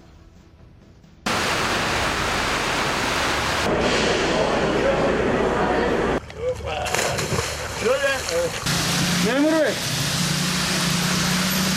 Say say bitmedi. 35 kişi indi İstanbul Esenyurt'taki minibüsten. Normal zamanda bile olmaması gerekiyordu ama yeni normal dönemde oldu. Yeni dönem başladı. Mart ayından bu yana taksit taksit gelen yasakların, kısıtlamaların büyük bölümü toplu halde kalktı. Şehirler arası seyahat kısıtlamaları biter bitmez göç başladı. Gece son sokağa çıkma yasağı biter bitmez yollar doldu, otogarlara akın başladı. Gece yarısından hemen sonra günün ilk saatlerinde sokağa çıkma kısıtlamalarının kalkmasıyla birlikte seyahat yasakları da sona erdi ve gece boyu otogarlar dolup taştı. O yoğunluk gün boyu da devam etti. HES kodu aldın mı? Aldım. Nereye gidiyorsun? İzmir'e gidiyorum. HES kodunu alan yollara düştü. Normalleşmenin en önemli adımlarından biri seyahat yasaklarının kalkmasıydı. 1 Haziran'ın ilk saatlerinde şehirler arası yolculuk başladı. Başta İstanbul, büyük şehirlerin otogarları kalabalıktı. Uçuşlar da başladı. İlk uçuş İstanbul-Ankara arasında yapıldı. Günün ilk ışıkları mega şehri aydınlattığında tutkunları eski normallerine dönmek için balık tutmaya koştu Galata Köprüsü'ne. Ada vapurları yeniden çalıştı. Sarayburnu müdavimleri ise çok özledikleri sulara bıraktı kendilerini.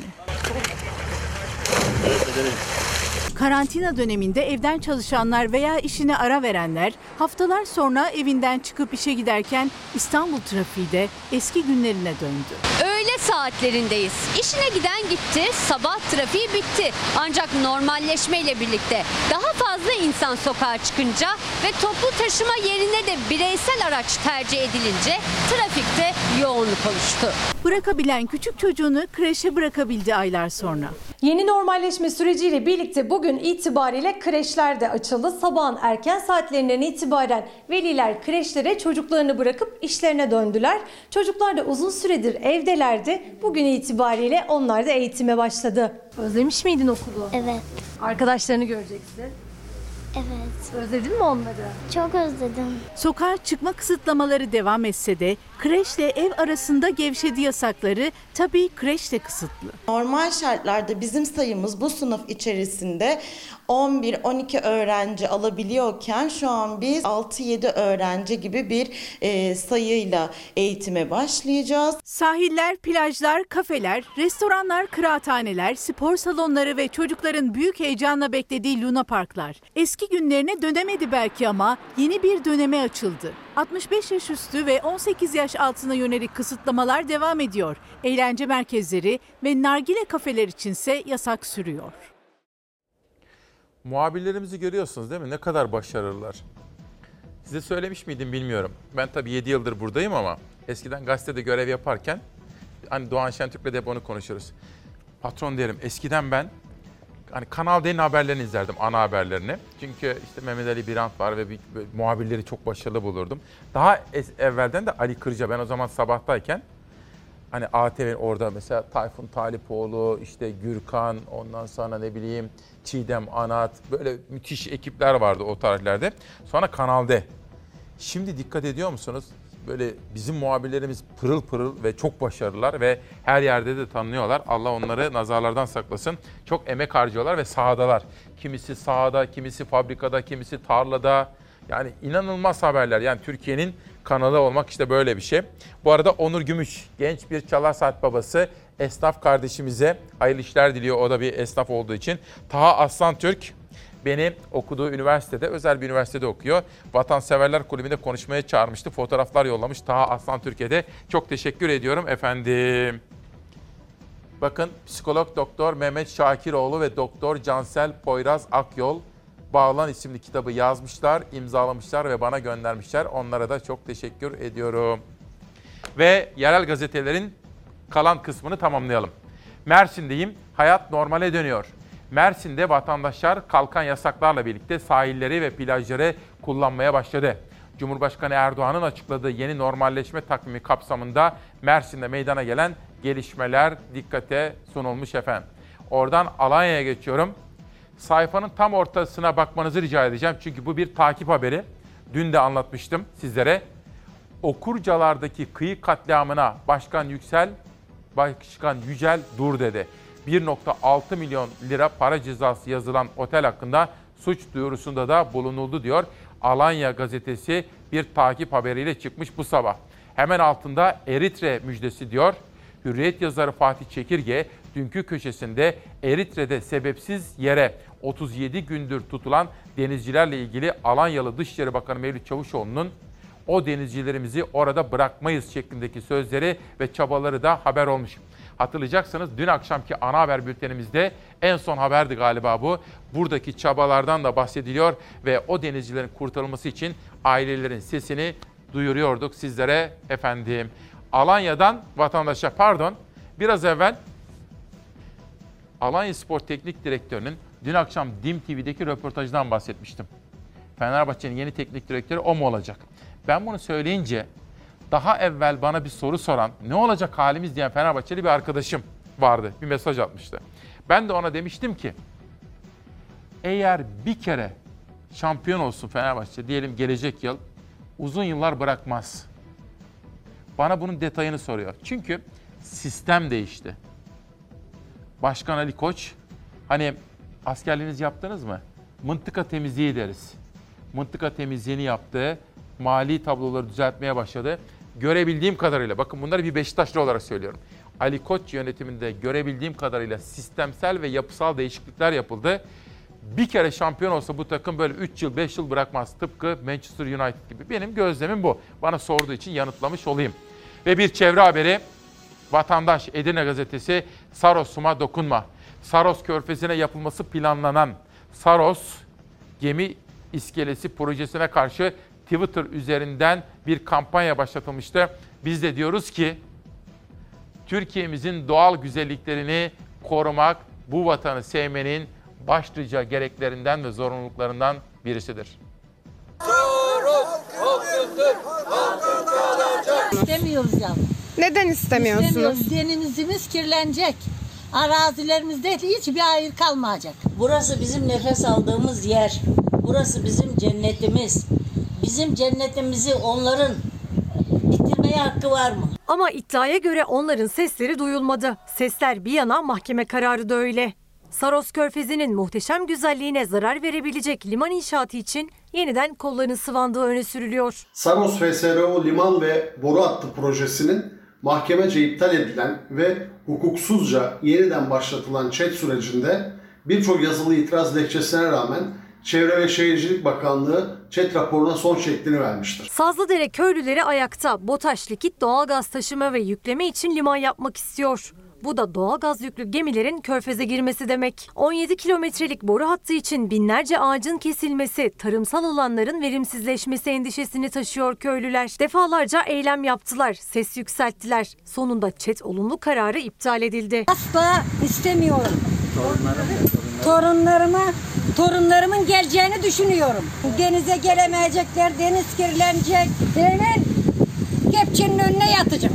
Ben ölürsem öleyim. Torunlarım kalsın geride rahat. Kepçenin önüne yatmayı düşünürüz. Asla vermeyiz. Bilirkişi raporunda 90 civarında aykırılık, mahkeme kararında 14 ayrı hukus- hukuksuzluk varken Çevre ve Şehircilik Bakanlığı'nın 2009'a 7 genelgesine sığınarak hukuksuzca halkın katılımı olmadan yeni bir çet süreci başlatması hukuksuzdur.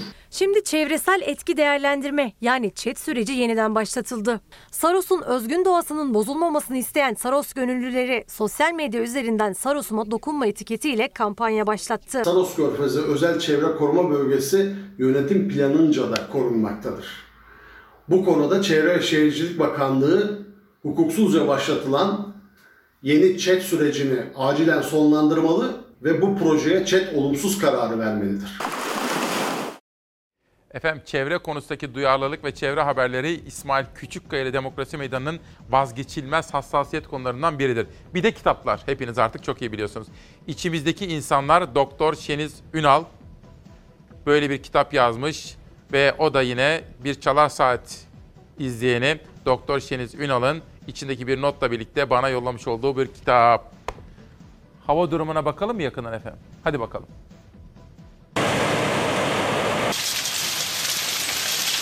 Yağışlı hava yurdu teslim aldı, sağanak pek çok noktada mağdur etti. Biz burada dükkanlarımız, evlerimiz, araçlarımız her şekilde mağduriyet altında kalıyoruz. İzmir'de yer yer sağanak nedeniyle caddeleri sel aldı. Konak ilçesinde bazı ev ve iş yerlerini su bastı. Vatandaş altyapı dedi. Yaklaşık 5 yıldır burada esnafız. Sürekli olarak bir su baskıntısı. Yani e, logarlar sürekli olarak dolu. Caddeyi görüyorsunuz sürekli olarak bu şekilde ve her seferinde dükkanımıza su basıyor. İzmir'de bugün yağış etkisini kaybediyor. Gün içinde kısa süreli yağış geçişleri beklense de düne göre daha zayıf olacak. Kuvvetli yağışlar pek çok noktada dolu şeklinde yağdı. Dolu taneleri filizleri kırdı, çiftçi mağdur. Bunların hepsi kopacak. Dolu yağışı çok etkili oldu. Bilhassa sahadaydım, kendim arazideydim. Dolu yağışı yani bizim bölgemizi bitirdi.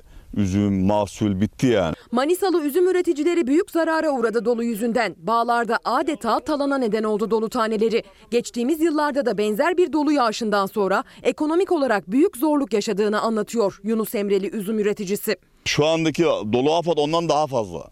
Bölgemizi bitirdi. Sözün bittiği yerdeyiz ve burada gereken sözü Kamil onlar konuşsun yani. Bilecik'te de sağanak yağış hem sel getirdi hem dolu. Pazaryeri ilçesinin cadde ve sokaklarında su baskınları yaşandı. Giriş kattaki yerleşim yerleri ve iş yerleri su altında kaldı. Yol kenarlarında park halindeki araçlar az kalsın sel sularına kapılacaktı. Edirne'de etkili olan dolu yağışı Kemalköy, Sarayakpınar, Uzgaç ve Budak Doğanca köylerinde zarara neden oldu. Arpa tarlalarında hasada sadece 15 gün kalmıştı. Başağını tamamlamıştı.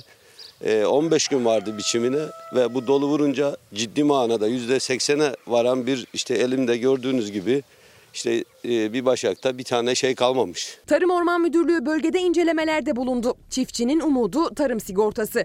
Dolu yüzünden %50 ölçüsünde kaybı olduğunu tahmin eden üreticiler en az zararla süreci atlatmayı umuyor. Buğdaylara da ciddi zarar var. E, ayçiçeklerine de ciddi zarar var. Bugün yine yurt genelinde yağışlı hava etkili olacak. Marmara, Ege bölgesi iç kesimler, Karadeniz ve Akdeniz bölgelerinde gök gürültülü sağanak yağış bekleniyor.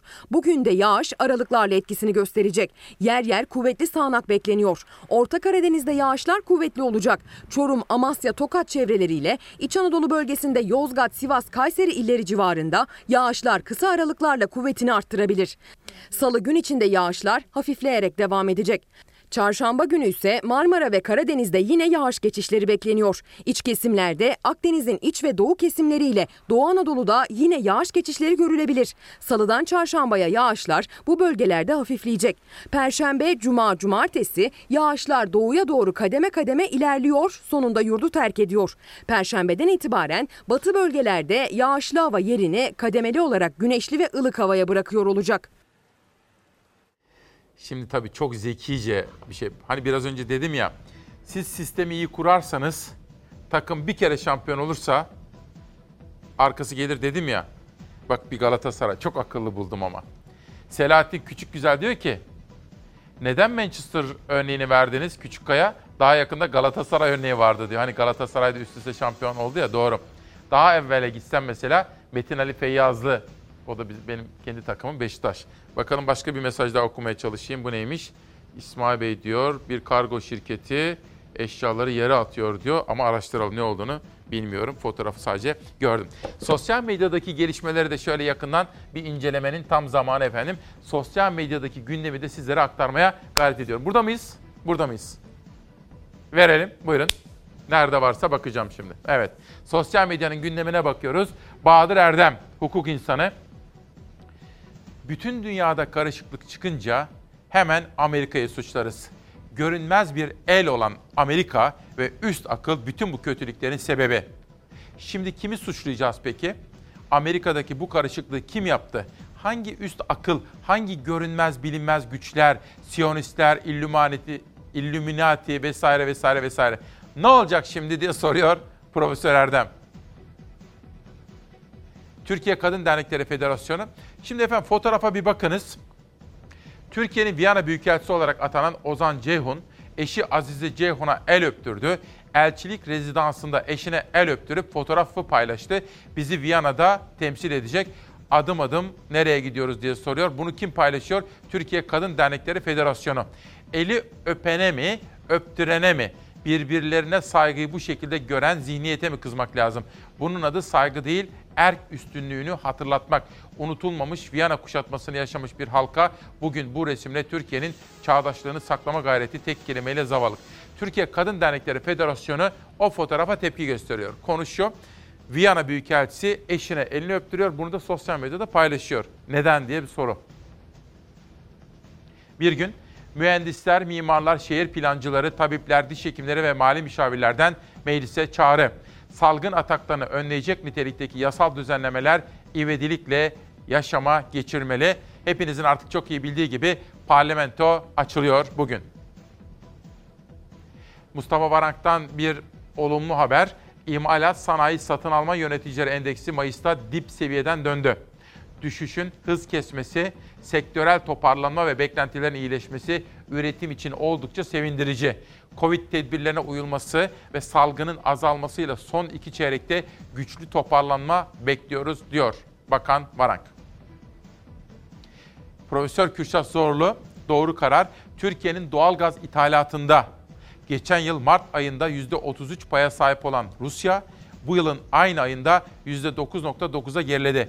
Daha sevindirici olan ise birinci sıraya yerleşen ülke %23,5 pay ile Azerbaycan diyor. Ama şunu da söyleyeyim. Kürşat Zorlu benim arkadaşımdır. Fakat acaba kaça alıyoruz? Doğalgaza ne kadar para ödüyoruz şeklindeki sorular yanıtlanmayı bekliyor. Karantina kurallarını çiğneyip partiye giden Belçika prensi koronavirüse yakalandı ve dedi ki yaptığım bu hatanın bedelini ödeyeceğim. Bana sosyal medyadan ulaşan bir izleyenimiz, abi 3 aydır kiramı ödeyemedim. Yeminle işten çıkarıldım. 78 gün oldu. Her yere başvurdum, hep olumsuz. Lütfen sesimi duyun. Gelin bakın araştırın. Allah rızası için, Allah ümmeti için duyun sesimi diyor bakın. Bu arkadaşımız da işte işini kaybetmiş, yoksulluğa düşmüş. Bir başkası İsmail abi merhaba. Babam 6 ay önce ani kalp durması sonucu beyin hasarı yaşadı ve şu an yatağa bağımlı yaşıyor. Tek tedavi şansımız var o da kök hücre tedavisi. Bunun için izin almamız gerekiyor. Ama 6 ay içerisinde iki defa almaya çalıştık. Bizi çok mağdur ettiler. Lütfen babam daha çok genç bizim ona ihtiyacımız var. Paylaşarak bize destek olun dedi. Ben de paylaştım efendim. Bir de Trump'a bir bakalım. Bu sabah dedik ya nefes alamıyorum. Amerikalılar böyle bir ses veriyorlar. Şey onu rica edeyim. Amerika'da nefes alamıyorum sesi ve çığlığı yükselirken şimdi geliyor bakın nefes alamıyorum. Şu fotoğraf şu anda 2020 yılı Amerika'sında gündem oldu. Bütün dünya bu fotoğrafı konuşuyor. Nefes alamıyorum şeklinde yükselen bu ses. Ve şimdi buradan ABD Başkanı Twitter'ı yoğun olarak kullanıyor biliyorsunuz. Ve şöyle bir paylaşım yaptı. Dedi ki kanun ve düzen. Bu da işte kanun ve düzen şeklindeki sözünü de paylaşım olarak sundu Twitter vasıtasıyla efendim. Peki normalleşme. Hepinizin aklındaki soruyu sormak isterim. Çok hızlı gitmiyor muyuz? Ya biraz geç kaldım denize. 12.1 geçe girecektim. 15 dakika geç girdim. Sabahı bile bekleyemedi bazıları. Yasak kalkar kalkmaz denize koştular. Hasret bitti, sahillerde sosyal mesafeli tatil dönemi başladı. Uyumadık bu saate kadar, bekledik. Hemen koştuk geldik yani. Deniz açıldığı için çok mutluyuz gerçekten. Ben bir aydır neredeyse böyle o kadar çok girmek istiyorum ki anlatamam size. 1 Haziran genelgesiyle birlikte sahil ve deniz kısıtlaması da kalkmış oldu. Antalya'da yasan sona ermesinin ardından sahillere akın yaşandı. Özledik. Onun içinde saatleri saydık. 12 12'de de e, indim sahile. Kimi bisikletle gezdi, kimi oltayla balık tuttu. Kimi de gecenin karanlığına aldırış etmeden yüzmeyi tercih etti. Denizi özleyenler gündüz de plajlarda aldı soluğu. Yeni normalin ilk gününde hava kapalıydı, zaman zaman da yağmur yağdı ama deniz keyfine engel olamadı. Bugün de işte açıldı artık Ee, gidelim dedik yani hemen. Ben Nisan'da geliyordum. Nisan'da açıyorduk.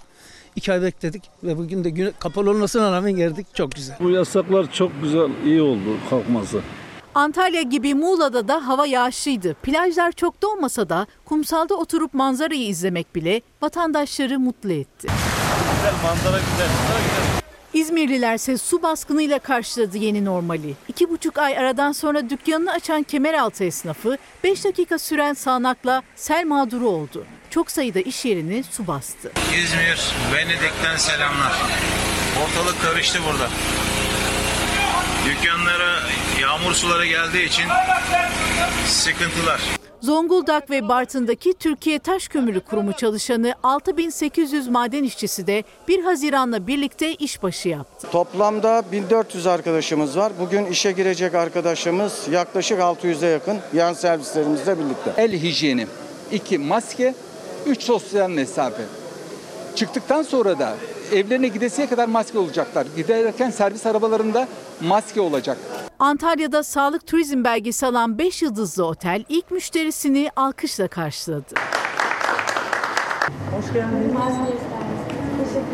Aslında biraz tedirgindim ama otelle görüşmelerimizi yaptıktan sonra o tedirginliğimiz kalmadı. Mevlana Müzesi Kapadokya Göbekli Tepe. Müze ve öğren yerleri de normalleşme sonrası ilk turistlerini ağırladı. Kapılar virüs tedbirleriyle açıldı. Tarih aşkı e, salgın önüne geçti. Buradan sonra da devam edeceğiz gezimize. Adana'da bir kebap dükkanı davullu zurnalı açılış yaptı. Kurban keserek inşallah bu e, güne bereketli başlamak için adım attık. Gün içinde de kentteki kebapçılar doldu taştı. Çok hasret kaldık. Çok şükür açtılar. Adana kebap. Tülay Özdemir, kronik böbrek hastasıyım. Neredeyse nakil aşamasındayım ancak e-nabızda kaydınız bulunmamaktadır diyor. Ne yapmak zorundayım? İşe de başlamak zorundayım. Tülay Özdemir. Barış Güzel, lütfen internet kafeleri de unutmasınlar. Kahvelerle birlikte kapandık. Bizim de eve ekmek götürmemiz gerekir diyor Barış. Müge, erken seçim olur mu olmaz mı size güveniyorum diyor. Bakalım bir başkası. İsmail Bey günaydın. Bizler sürücü kurslarıyız. Biz de herkes gibi 1 Haziran'da maalesef hazırlıksız bir şekilde direksiyon eğitimlerine başladık. Eğitime başlayan sürücü kursları araç içi fiziksel mesafeye uygun çalışma koşullarına sahip değildir. Sürekli konuşma ihtiyacı eğitmen arkadaşlarımızın da sağlığını tehlikeye atmaktadır. İstanbul Sürücü ve Sürücü Eğitmenleri Dernek Başkanı Yeşim Can Laçin. Bunu da bilim kuruluna buradan aktarmayı bir vazife biliyoruz. Kim soruyordu? Müge Hanım da seçimi soruyor. Seçime ihtimal vermediğimi daha evvel söylemiştim bu yılda. Belki gelecek yılın sonlarında ama niye seçime gidilsin ki? Ülkenin çözüm bekleyen sorunları var. Üst üste seçim, referandum, seçim, referandum, anayasa değişikliği, sistem değişikliği. Yeter yorulduk. Ülkenin çözüm bekleyen sorunlarına çözüm bulunsun. Önümüzde 3 yıl var. En az 2 yıl şöyle bir gitmemiz gerekiyor efendim. Bu arada bir Emirganlı Cafer Hergünsel bana 1940'larda yükselen Nazizmin Türk Edebiyatı'nın etkileri isimli kitabını yollamış. Bu kitapta bir Çalar Saat ailesinden gelen işte sanata, doğaya, insana her zaman değer veriyoruz efendim. Cafer Hergünsel'e de teşekkür ediyorum. Bizim Ahmet Yavuz Paşa'mız tanıştırmıştı bize. Nerede kaldık? Aydınlık'taydık. Aydınlık'tan Cumhuriyet'e geçtik. Bakalım manşette ne var? Kopyala yapıştır skandalı. Mahmut Ilıcalı'nın haberi. Gazetecilerin iddianamesi de sarayın yanıtları da baştan sağma. MİT mensubunu ifşa iddiasıyla tutuklanan Cumhuriyet Gazetesi yazarı Barış Terkoğlu'nun da aralarında olduğu gazeteciler hakkındaki iddianamenin büyük bir kısmını Yargıtay'ın MİT tırları davasına ilişkin Enis Berberoğlu kararından alıntı oluşturuyor. Avukat Celal Ülgen, her şey bu kadar mı benzer FETÖ yargısına hukuksuzluk dejavusu yaşıyoruz dedi. Dejavuyu biliyorsunuz değil mi efendim? Hepiniz biliyorsunuzdur. Dejavu başımıza bir şey gelir. Aa ben bunu yaşamıştım. Hani olur ya öyle. Mesela bir şey oldu. Ya ben bunu daha önce yaşamıştım. Sanki ikinci kere yaşıyorum gibi. Dejavu dedikleri bu. Hani Celal Ülgen de bunu söylüyor. Geçmişteki FETÖ olaylarıyla bugün yaşandığını iddia edilen olaylar arasındaki benzerlik iddiası. Bir başkası Cumhurbaşkanlığı hükümet sistemi TBMM'nin denetim işleyişini yok etti. Cumhurbaşkanlığı CHP, İyi Parti ve HDP'li vekillerin yüzlerce soru önergesine yetki ve görev alanımız değil karşılığını veriyor. Kimi zaman da kopyala yapıştır metinlerle bakanlıklar adres gösterilerek sorular yanıtsız bırakılıyor. Şimdi bu sistemin parlamentoyu etkisiz ve işlevsiz hale getirmesinden kaygı duyduğunu söylüyordu. Ana muhalefet partisi, sonra İyi Parti, sonra HDP hepsi de benzeri görüşleri ifade etmişlerdi. Bu arada yeri gelmişken söyleyeyim. Dün o bütün yayınların içinde unuttum söylemeyi. Yeni Çağ gazetesinde birinci sayfada yoktu. İç sayfaya baktığım zaman tam sayfa bir röportaj. Röportajı yapan halen cezaevinde tutuklu gazeteci Murat Ağırel. Kendisinin iki avukatına sorular sormuş. Hadi demiş sizinle mülakat yapalım. O iddianameye ilişkin Murat Ağırel cezaevinden sormuş, avukatları yanıtlamış efendim. Dün çok ilgi çekici bir röportaj formatıydı. Yeni Çağ'da yayınlandı. Cumhuriyet'ten karara geçelim. Ama bu arada bir habere gidelim. Nereye gidelim Şeynaz? Ha bak ne güzel. Biraz evvel bir izleyenim. Galiba Müge Hanım'dı. Seçim var mı demişti. Seçim yok. Ne zamana kadar? Bahçeli günün birinde seçim var derse o zamana kadar. Bir sonraki hesap verme vakti olan seçimlere kadar önümüzde 3 yıllık bir vakit var.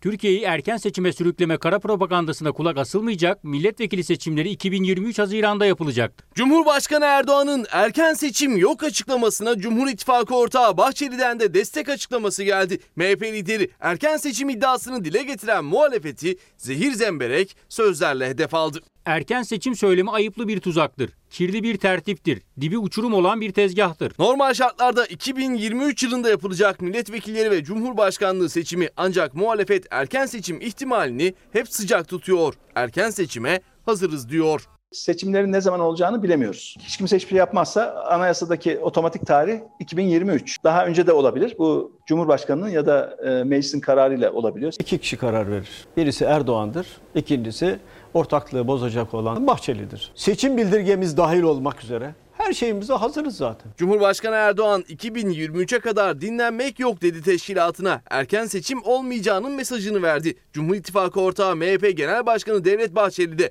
partisinin teşkilatlarına yolladığı genelgeyle seçimlerin 2023'te yapılacağını söyledi. Türkiye'yi erken seçime sürükleme bu suretle sanal bir gündem tesis etme gayretkeşliğine heves eden siyasi aymazların hiçbir telkin veya kara propagandasına kulak asılmayacaktır. 28. dönem milletvekili genel seçimleri 2023 yılının Haziran ayında yapılacaktır. MHP lideri erken seçim tartışması açan muhalefete eleştiri oklarını gönderdi. Tartışmalar için tuzak ifadesini kullandı. Bu tuzağa düşecek, bu tertibe kanacak, bu tezgaha gelecek aklı başında hiç kimse yoktur. MHP Genel Başkanı Bahçeli teşkilatına gönderdiği genelgede Cumhur İttifakı'na yürekten bağlıyız ifadesini kullandı. Milliyetçi Hareket Partisi Cumhur İttifakı'na yürekten bağlıdır. Cumhurbaşkanlığı hükümet sisteminin kurum ve kurallarıyla yerleşmesi için samimi mücadelesini önümüzdeki yıllarda da yapacaktır. Cumhurbaşkanlığı hükümet sistemini ve bu sistemin ülkemize katkılarını hazmedemeyenlerin insanımızı zehirlemesine izin vermeyeceğiz. Milliyetçi Hareket Partisi Cumhurbaşkanlığı hükümet sistemi devamını da mümkün kılabilecek bazı reformların yapılması gerektiği inancındadır.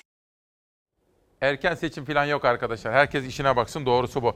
Duygu bir öğrenci arkadaşımız, kardeşimiz. Yurtlarımız kapalı. Bu durumda özeller bizim için daha riskli değil mi?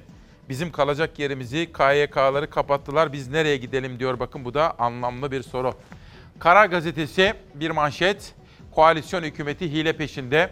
Gelecek Partisi lideri Davutoğlu'ndan sert seçim tepkisi. Davutoğlu yeni partilerin seçime girişini engelleme hamlelerini hedefe koydu. Koalisyon hükümeti bir dizi anti-demokratik düzenlemeyi telaffuz etmeye başladı. Oyunun ortasında hile yapmaya niyetler ama ne yaparlarsa yapsınlar kaderden kaçamayacaklar. İlk seçimde gidecekler diyor Ahmet Davutoğlu. Karardan Yeni Birlik gazetesine geçiyorum. Terörle mücadele kapsamında bir manşet görüyorum. Suriye'den Amerika'ya terör koridoru. ABD Başkanı Trump'ın protestoları provoke etmekle suçladığı ve terör örgütü olarak tanıyacağını açıkladığı Antifa, Türkiye karşıtı söylemleri ve terör örgütü PKK-YPG'ye gerek örgüte eleman sağlaması, gerek örgütün düzenlediği gösteriler olan destekleriyle öne çıkıyor diyor efendim. Bir reklama gideceğim. Ama reklamlardan sonra ne var biliyor musunuz? Çalarsat gazetesi ve haberinde 65 yaş üstündekilerin sesini duyuracağım. Biz de normalleşelim diyorlar 65 yaş üstündekiler. Sonra esnafın sesini duyuracağım. İşler yok diyen, işsiz kaldık diyenlerin sesini duyurmaya çalışacağım. Ekonomik destek paketlerine ilişkin çok özel haberler hazırladık. Onları hazırladık. Onları da reklamlardan sonra sizlere sunacağım. Ve tabii ki her zamanki gibi sürprizlerimiz olacak. Sizleri bekliyor. Ama dün yeğeniyle de Defne Hanım'la da Defne Akpınar'la da konuştum. Onu yad ettik. Oruç Aroba. Her şeyi yazarım da zamanı yazamam. O yazar çünkü beni diyen düşünür, şair, felsefeci. Ve bakın yalanı nasıl anlatıyor. Şimdi ama Ahmet Arif'e de gideceğiz. Ahmet Arif'in de bugün yine ölüm yıl dönümü. Dün de Orhan Kemal'in de işçileri çok iyi anlatırdı. Anadolu benim en etkilendiğim şiirlerden biri geliyor. Ama önce Oruç Bey nasıl anlatıyor? Yalan kötüdür. Yalan zaten kendi kendini çoğaltan, çoğaltmak zorunda olan bir şeydir. Yalan söylerseniz ilişki kopar. Yalan ilişkiyi koparır. Ama yalan aslında kime söylenir? Yalan temelde yalan söyleyenin kendine yaptığı bir şeydir. Yalan söylediği kişiye değil. Yani diyor ki yalan söylüyorsanız aslında karşınızdakini aldatmış değilsinizdir. Hayır. Yalan söyleyen kişi kendini kandırır. Anadolu Beşikler vermişim Nurha Salıncaklar, hamaklar Havva anan dünkü çocuk sayılır Anadolu'yum ben Tanıyor musun?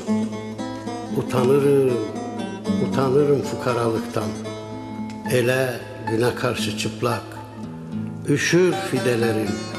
Harmanım kesap Kardeşliğin, çalışmanın, beraberliğin Atom güllerinin katmer açtığı Şairlerin, bilginlerin dünyalarında Kalmışım bir başıma, bir başıma ve uzak Biliyor musun? Binlerce yıl sağılmışım. Korkunç aklılarıyla parçalamışlar.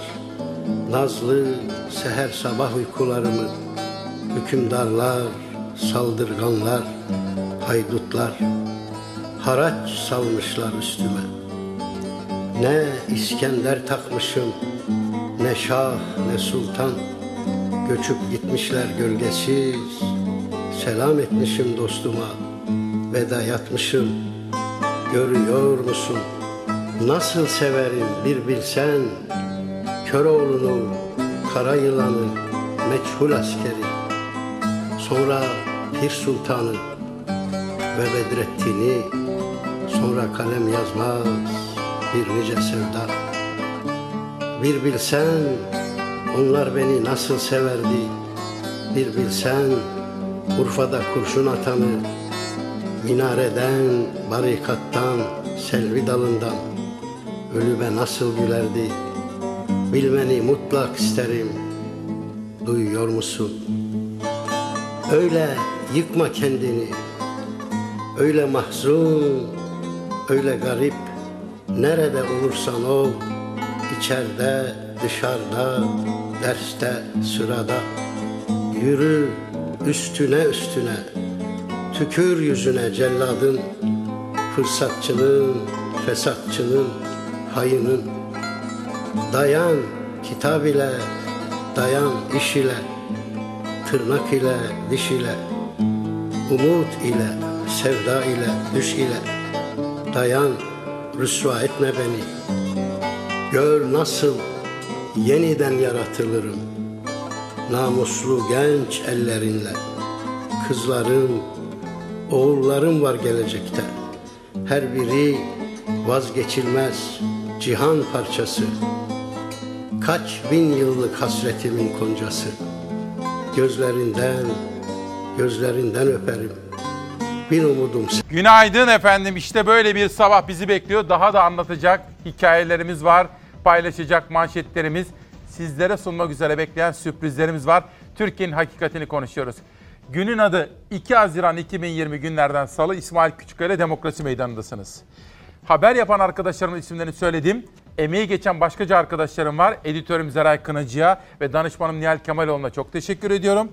Ve şu andan itibaren Şehnaz'ın yerine de Savaş Yıldız yönetmen koltuğuna geldi. Bir pencere açsak şöyle, dışarıya bir baksak, derin derin nefes alsak, saatler ona doğru hızla yol alırken sizlere söz verdiğimiz 65 yaşın üzerindeki büyüklerimiz, siz kıymetlilerimiz, işte bu haber sizin için. Buradan bizi izlediğini bildiğimiz Sağlık Bakanlığı'na, Sağlık Bakanı'na, Bilim Kurulu'na, hükümetimize, muhalefetimize, herkese seslenmek istiyoruz. Yaşı 65'in üzerinde olan büyüklerimizi artık düşünelim. Herkes sokakta, AVM'ler açık. Otobüsler, metrobüsler artık %50 kuralını bile iptal ettiğimize göre onlar diyorlar ki biz de nefes alalım. Bugün de gazetemizi Dilek Zehir çizdi. Bakın fotoğrafa lütfen dikkatle bakınız. Onlar bu ülkeye katkı sundular. Yıllar yılı çalıştılar. Onlar artık ömürlerinin en güzel baharındalar. Ve onlar diyorlar ki tamam bizi korudunuz. Biz de kendimizi nasıl korumamız gerektiğini biliyoruz. Fakat herkes dışarıdayken, AVM'ler açıkken bizim de daha iyi nefes almamızı sağlayın diyorlar. Yaş 73 bitti 74. Ama evde otur otur artık olmaz. Çıktım. Zaten millet dışarıda. Sık sık bıraksınlar yani böyle ki yoksa yürüme yeteneğimizi kaybedecek yaşlar yani. Pazar günleri iki saat gez evine git. Market kapalı, her yer kapalı. Ne yapacağız biz ne yiyip ne içeceğiz nasıl alışveriş yapacağız? Doktora gitsen gidemiyorsun. Doktora gitsen gidemiyorsun. Bu ne kadar acayip bir şey. Dünya gibi Türkiye'de normalleşmeye başladı. Yeni tedbirlerle sosyal hayata geçildi. Ancak o normalleşmeden 65 yaş ve üstü henüz nasibini almadı. Çok ama çok dertliler. İki kızım var. Birisi sağlıkçı. Emin ol 60 gündür göremedim. Ne yeğenlerimi, çorunlarımı görebildim. Ne kızımı, kızlarımı görebildim. Çok özledim onları. Yapacak bir şey yok. Doluyum. Yapacak bir şey yok. Bizim sağlığımız için yaptılar. Biliyorum sağlığımız için. Sağ olsunlar, var olsunlar. Ama sıkıldık, bayağı sıkıldık. Zor yürüyorum. Tutuldu ayaklarım. Vallahi ben çıktım serbest mi değil mi var mı bilmiyorum. Sırf bankamatiğe geldim yeni kartın açılması için. 22 Mart'tan bu yana sokağa çıkma kısıtlaması var 65 yaş ve üzeri için. Çünkü yüksek risk grubundalar. Korona salgını döneminde en büyük fedakarlığı da onlar yapıyorlar. 65 yaş üzeri büyüklerimiz gerçekten bu dönemde çok büyük fedakarlık gösterdiler. Pazar günleri sokağa çıkabiliyor 65 yaş ve üstü vatandaşlar. Ancak marketler, bankalar, resmi daireler kapalı. Yani kimi kimsesi olmayanlar işlerini halledemiyor. Hafta içi de en azından bir gün daha izin bekliyorlar. Bankadaki işlemlerimiz var, e, devlet dairelerinde işlemlerimiz var. Biz nasıl göreceğiz bunları? Bizi istiyorlar. Herkes 65 yaş dışındakiler hepsi dışarıda yani. Hep AVM'ler açık, şeyler açık. Sadece yapılacak işler açısından değil talepleri. Sağlıkları için de dışarı çıkıp yürümek istiyorlar. Kaç yaşındasınız? Şu anda 69'um yavrum. Yasak var çıkmışsınız. E, ne yapayım kızım bunu aldım sıkıldım. Çok sıkıldım ve bütün kemiklerim yani şu anda uyuşmuş vaziyette. Haftada iki gün yapsalar bence daha iyi. İnsanlar Allah korusun yani şeker hastası olabilir, her türlü hastalık çıkabilir. İşin bir de manevi yönü var. Evde kalmaktan bunalan 65 yaş ve üzeri tedbirler dahilinde biraz daha esneklik bekliyor. Yürüyüşe çıktınız. Maalesef öyle. Neden maalesef? Çünkü evde hapis olmak çok kötü bir şey. Zaman geçmiyor, hareketsiz kalıyoruz. Ondan dolayı özgürlük kadar güzel bir şey yokmuş. Gerçekten de sağlık açısından bu artık dayanılmaz bir noktaya geldi. Çok daha kötü sonuçlar elde edecek bu hükümetin bu karara hemen el koyması lazım yani. Öyle 15 gün 25 gün daha uzatmakla bilinen el alakası yok bu işin artık. Yaşlıların sadece sokağa çıkması psikolojik bir ihtiyaç, bir sosyalleşme ihtiyacı değil. Yaşlılar sokağa çıktıklarında e, sağlık hizmetlerine ulaşıyorlar. Banka gibi diğer resmi işlerini hallediyorlar. Bunlardan da çok uzun süredir mahrum kaldılar.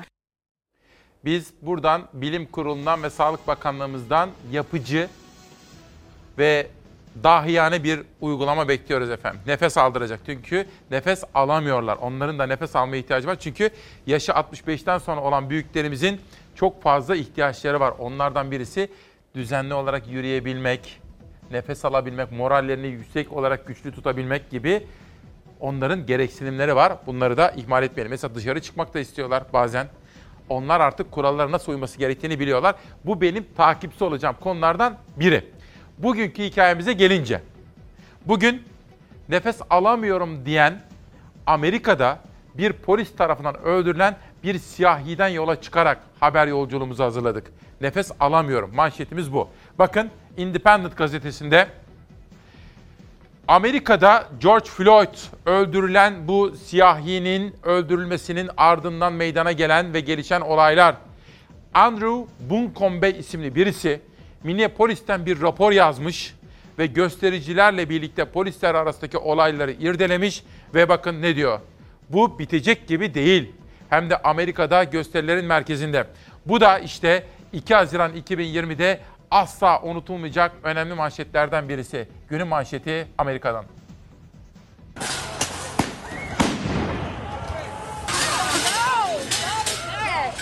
These are not acts of peaceful protest. These are acts of domestic terror. Trump terör eylemi diye tanımladığı protestoların güçle bastırılması emrini verdi. Gövde gösterisi yapar gibi Beyaz Saray dışında yürüdü. Protestocuların ateşe verdiği kiliseyi ziyaret etti. Eline İncil aldı, poz verdi. Amerikalı siyahi George Floyd'un polis şiddetiyle ölmesinin ardından başlayan protestolar 7. gününe girdi. 30'dan fazla kentte eylemler sürüyor. Protestocular ve polis arasında çatışmalar yaşanıyor. Irkçılık isyanı devam ederken George Floyd'un otopsi raporu açıklandı. Otopside Floyd'un ölmeden önce bir sağlık sorunu olmadığı, nefes alamadığı için öldüğü saptandı. Şiddetli protestolar kesilmeyince sokağa çıkma yasakları peş peşe geldi. Başkent Washington'dan sonra ana kent New York'ta da sokağa çıkma yasağı ilan edildi. Polis göstericilere göz yaşartıcı gaz ve ses bombasıyla müdahale etti. New York valisi kente görevli polis sayısını 4000'den 8000'e çıkarma kararı aldıklarını belirtti. All Americans were rightly sickened and revolted by the brutal death of George Floyd. Amerika Başkanı Trump da dün Beyaz Saray'da bir açıklama yaptı. Protestoların bastırılması için orduyu devreye sokacağını söyledi. Ağır silahlı askerler görev yapacak dedi.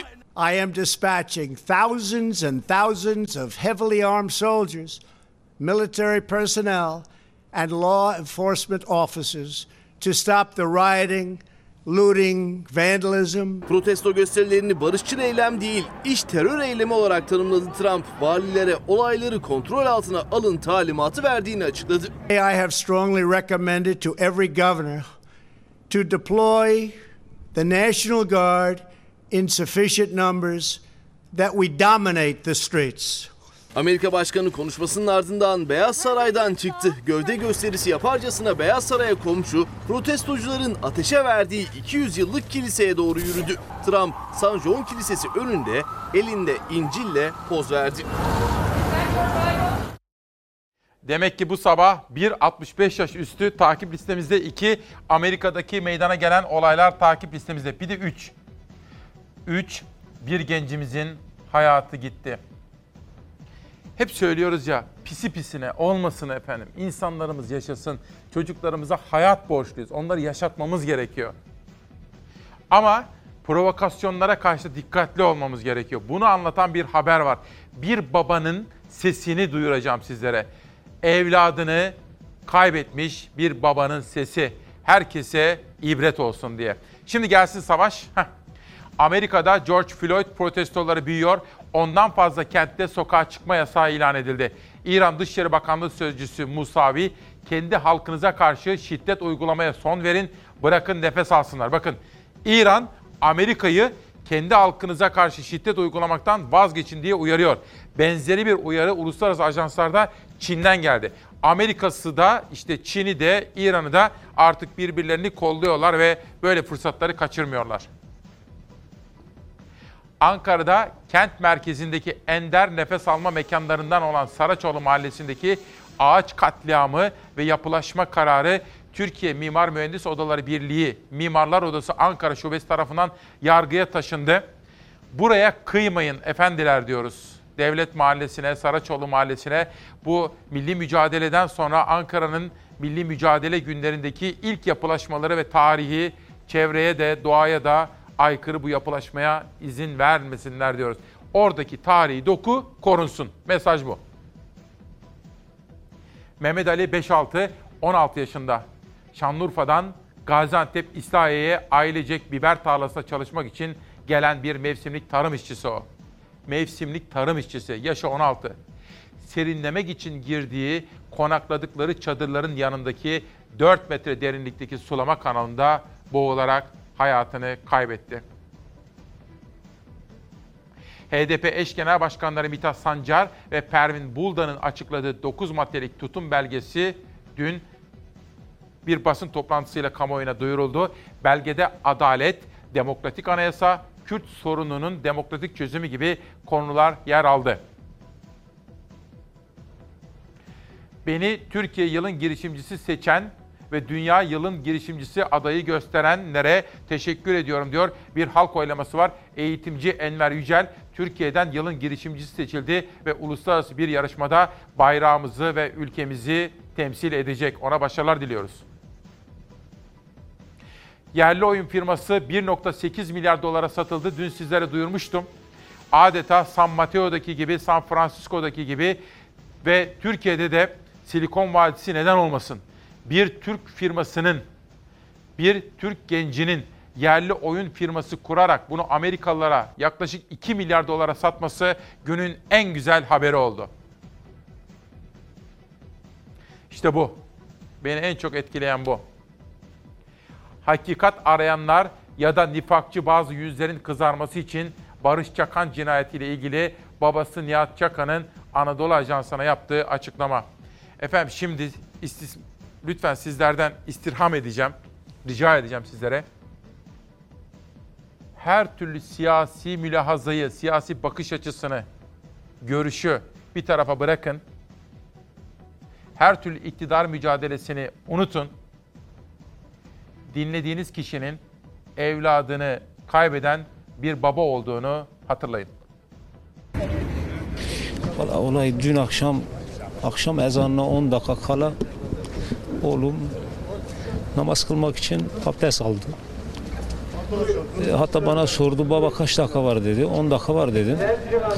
Onun mahalleden arkadaşı telefon açtı kendisine. Dışarıya gel konuşalım gibisinde. O da tamam geliyor. Gitme dedim oğlum. Baba iki dakika aşağı inip onunla arkadaşımla konuşup geleceğim dedi. Gitti geliş, o geliş arkadaşı 15-20 dakika sonra beni aradı kendi telefonundan. Dedi ki Barış eve geldi mi? Yok dedim gelmedi. Biz de dedim ne oldu dedi biz kavga yapmışız da ben kaçmışım onu göremiyorum. Bunlar dışarıdayken e, üç kişi o karşı üç kişi aracın içinde müzik dinliyorlarmış. O ezanda da o esnada da ezan okunuyormuş.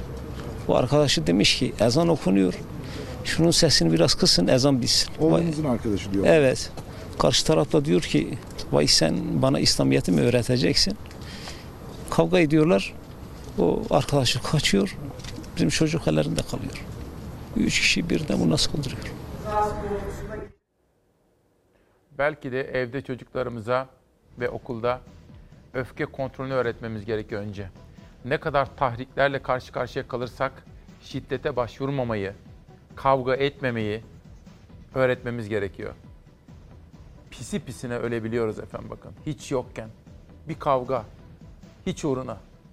O kadar çok örnekleri var ki bazen trafikte, bazen okulda, sokakta çocuklarımızın hayatları perperişan oluyor.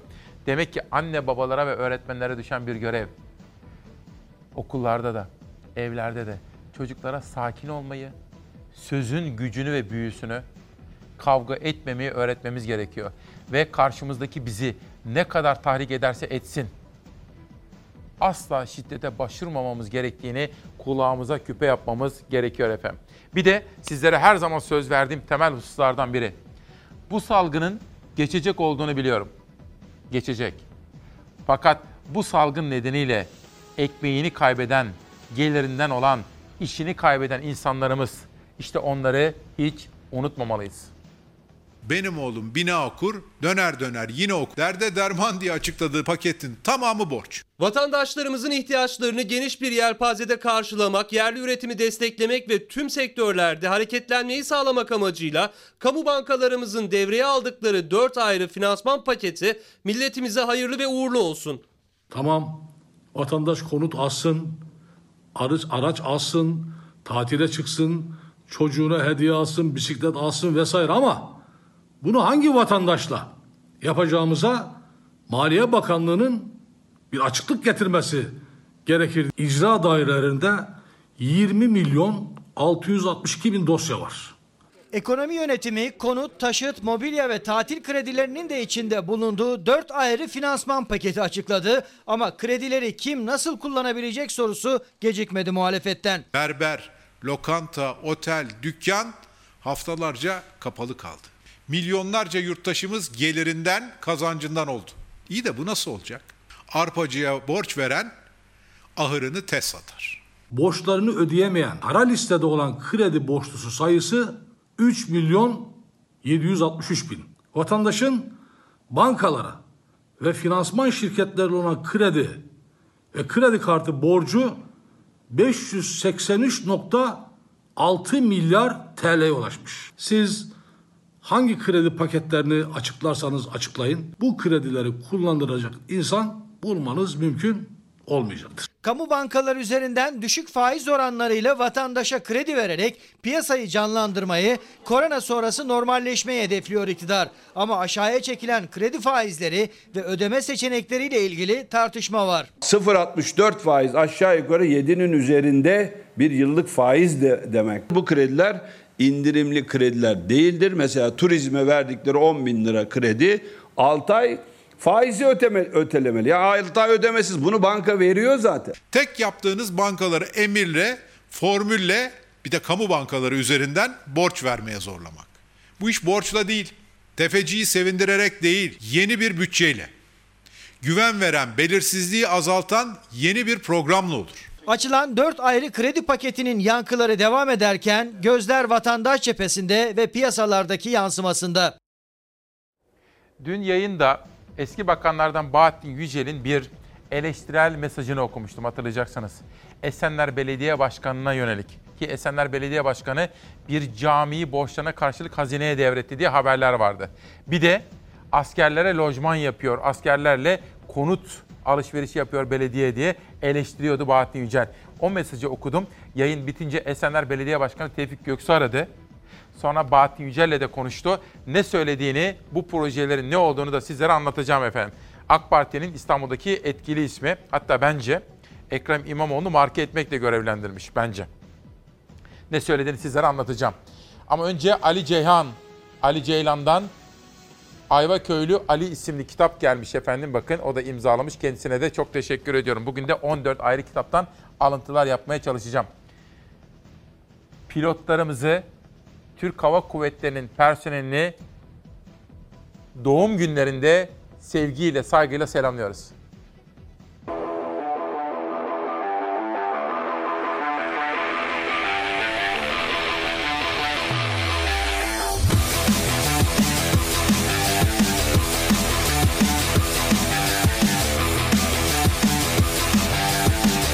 Kollar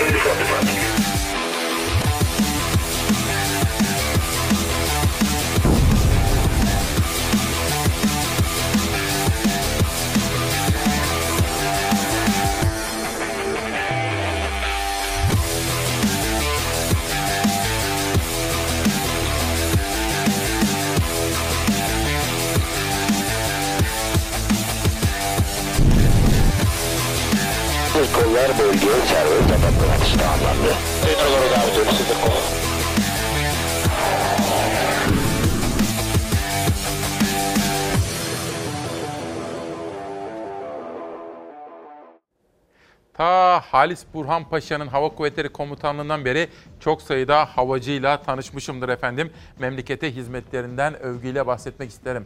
Mustafa Kalaycı, Bir Öğretmenin Penceresinden Anılarım, Duygularım ve Düşüncelerim isimli kitabı burada. Siyasi gelişmelere bakıyoruz. Hani sizlere Bahçeli'nin erken seçim yok, Bu konuda dayatanları nasıl tanımladığını anlatan bir haber sunmuştum. Peki HDP'liler ne diyorlar acaba bütün bu gelişmelere? Ankara'dan okuyorum. HDP eş genel başkanları Mithat Sancar ve Pervin Buldan'ın açıkladığı 9 maddelik tutum belgesi. Bu belgede neler var? Adalet, demokratik anayasa, Kürt sorunun demokratik çözümü gibi konular yer aldı. MHP ile ilgili haberleri dikkatlerinize getirmiştim. Sırada HDP'nin manşeti var. Türkiye yakın tarihinin en ciddi krizine dolu dizgin yaklaşıyor. Koronavirüs salgınının daha da vahimleştirdiği toplumsal, siyasal ve ekonomik sorunlar karşısında Erdoğan iktidarının izlediği politikalar halklarımızın içerisinde bulunduğu yoksulluğun, işsizliğin ve baskının daha da artmasına yol açıyor. devleti ve toplumu eleştirmeye ve neyi nasıl değiştirmek istediğimizi açıklamaya hakkımız var. Biz boyun eğmiyoruz. Bu krizin omuz omuza vererek birlikte mücadele ettikleri müddetçe halklarımızın kendi geleceklerini belirleyebilecekleri fırsat ve imkanları da sunduğunu görüyoruz. Yeter ki bu konuda kararlı olalım. Bu iktidara karşı tarih boyunca biriktirdiğimiz bütün modern eşitlik, adalet ve özgürlük değerlerini savunmak tüm demokrasi güçlerinin ortak görev ve sorumluluğudur. Halkların Demokratik Partisi bu tarihin en iyi demokratik geleneklerinin ve toplumsal özgürlük mücadelelerinin mirasına yaslanarak bu gidişatı durdurmak ve yeni bir yaşam kurmak için mücadeleye kararlıdır. Türkiye'nin gündemini sizlere olduğu gibi eksiksiz anlatmaya gayret ediyoruz efendim. Ve sırada lokantalar var, kafeler var, esnaf var. Ama bakın Yıldıray Oğur'un bir paylaşımını gördüm. Bakın Alaska Emniyet Müdürlüğü'ne tayinine ironi yapıyor her zaman gibi. Christian Amanpour CNN'in dünya çapındaki başarılı televizyoncusu.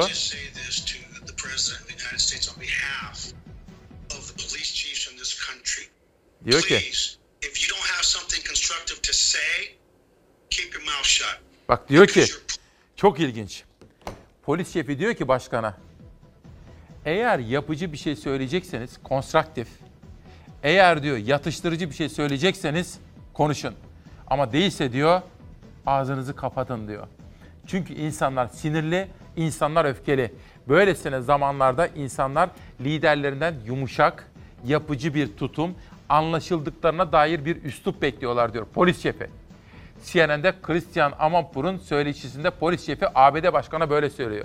Hiç kibar filan da değil. Kapat ağzını diyor. Eğer yapıcı bir şey söylemeyeceksen ağzını kapat diyor. Yıldıray Uğur bunu paylaşmış efendim. Çok ilgi çekici şeyler yaşanıyor Amerika'da efendim. Peki ekonomiye dönüyorum. Yeni Çağ Gazetesi. Hatırlayacaksınız saatler 9 civarında sizlere Türk Gün Gazetesi'nden normalleşmenin olumlu olduğuna dair haberi sunmuştum. Hareket ve bereket manşeti vardı Türk Gün'de. Sırada Yeni Çağ var. İktidardan talebi coşturacak yeni borç kampçısı. Hükümet hayata geçirdiği düşük faiz hamlesiyle konut, otomobil, turizm ve ihtiyaç maddeleri için kamu bankalarını devreye soktu diyor efendim. Peki şöyle bir lokantaya gidip tavuk suyu paça çorbası ya da kuru fasulye ya da mesela az pilav, pilavın üstüne biraz kuru fasulye, cacık yemeği özlediniz mi? Şöyle normalleşmenin ilk gününde nasılsınız diye soralım. Yani daha tam alışamadık ya. Zaten millet baksana bomboş her taraf boş. 30 senedir şu caddedeyim. Buranın ekonomisi benden sorumlu. Çay servisi mi yapıyorsunuz Evet. dükkanlara? Evet. Yani sizin e, ekonominizin iyi olması için dükkanların açık olması. E tabii ki büt- zincir. Size benden bağlı değil ki. Zincir gibi. Zincirin bir tanesi koptu mu ne yapar? Hepsi kopar. Sen biz konuşurken bir dükkanda kepengini açıyor. Açtı bak kızlar da geldi. Evet. Beşiktaş'ın 30 yıllık çaycısı Yusuf Akyıldız tam 70 gündür evdeydi. Ekonomik olarak zora giren, heyecanla normalleşmeyi bekleyenlerden de o da. Tüm esnaf gibi ama özellikle restoran ve kafelerdeydi gözler. Hem çalışanlarda yeniden işe dönmenin heyecanı hem de müşteri gelecek mi merakı vardı. bir şeylerin dengesi artık sağlanması gerekiyor. Yoksa insanların dayanacak gücü de kalmadı. Doğru. Yani esnafların da dayanacak gücü kalmadı. Çalışıyor muydunuz Covid süresince? Yok Evdeydiniz. çalışmadık evdeydik. Bugün mü açtınız dükkanı? Bugün açtık. İki gün önce temizliğimizi yaptık. Böyle bir te- e, tedbir aldık e, naylon olarak şey olarak. Şuradan uzatayım mı mikrofonu? Bir nasıl hissediyorsunuz böyle perde arkasında? Tabii normal gibi değil. Ama e, inşallah bu günler de geçecek. İnşallah iyi olur ya bundan sonrası. Yani Nasıl iki ay aradan sonra şöyle bir oturup pastane poğaçası yemek? güzel. Kiraları ödeyemedik, ev kirası. Hep cepten gitti. Masraf oldu. İki ay evde yattık. Çalışanı mısınız burada? He burada çalışıyoruz. Ücretli mi ücretsiz izinde miydiniz? Ücretsiz. İki ay boyunca biriken borçlardan kurtulabilecek olmanın umuduyla iş yerine koştu çalışanlar. Taburelerin pası silindi, masa düzeni ayarlandı, ince temizlik yapıldı, döner eskisi gibi bolca takıldı tezgaha ve müşteri beklenmeye başlandı. Ama Haziran yağmurla birlikte gelince İstanbul'a ilk gün umutları da söndü. İşte biz uygun olan her şeyi yapmaya çalışıyoruz müşterilerimizin e, sağlığı için. Artık müşterilerimizi bekliyoruz. Yavaş yavaş olur diye umuyoruz yani. Bugün geldiniz yemeğinizi yiyorsunuz. Bir tedirginlik var mı? Nasıl hissediyorsunuz? Evet, hala ben risk grubundayım özellikle. Ee, çok tedirginim. Ee, ama çok e, yani kızımız için geldik. Çok mecbur kaldığımız için geldik yani. İstanbul'un en işlek semtlerinden Bakırköy'de bir restoran. İçeride 16 çalışan 4 müşteri var. Üstelik öğle yemeği saatinde. Yani normalleşmenin ilk gününde esnaf beklediği bereketi bulamadı. Sabahtan beri döküş var. Öğlen yemeğin saatinde dükkanımız bayağı full çekiyorduk. Şu anda hiçbir şey yok. Lahmacun yiyorsunuz. Evet. Özlemiş misiniz? Vallahi sormayın evet biraz servis kalmıyor bayağı bir özlemişiz. İlk gün koltuklar, sandalyeler boş kaldı restoranlarda. Esnafın umudu müşterilerin tedirginliğini atıp yeniden dükkanları doldurması. Ama o doluluk hiçbir zaman eskisi gibi olmayacak çünkü masalarda sosyal mesafe var. O kuralla birlikte maske zorunluluğu da ihlal edilirse cezası ağır. Bu bir Nazlı yere basmaz haberiydi. Biraz sonra esnafa ilişkin bir haber daha aktaracağım. Şöyle siz bu haberi izlerken bir sosyal medyada manşet gördüm. Hemen editörüme ve yönetmenime söyledim bir araştırır mısınız dedim. Bir kayıp haberi. Benim muhabirlik yaptığım günlerde tanıştığım Haza Beyefendi'ydi.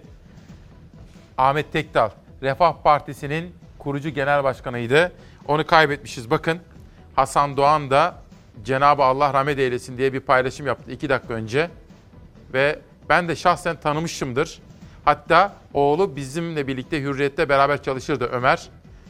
Tekdal ailesine sabır diliyorum. Ömer kardeşime de buradan sabır diliyorum.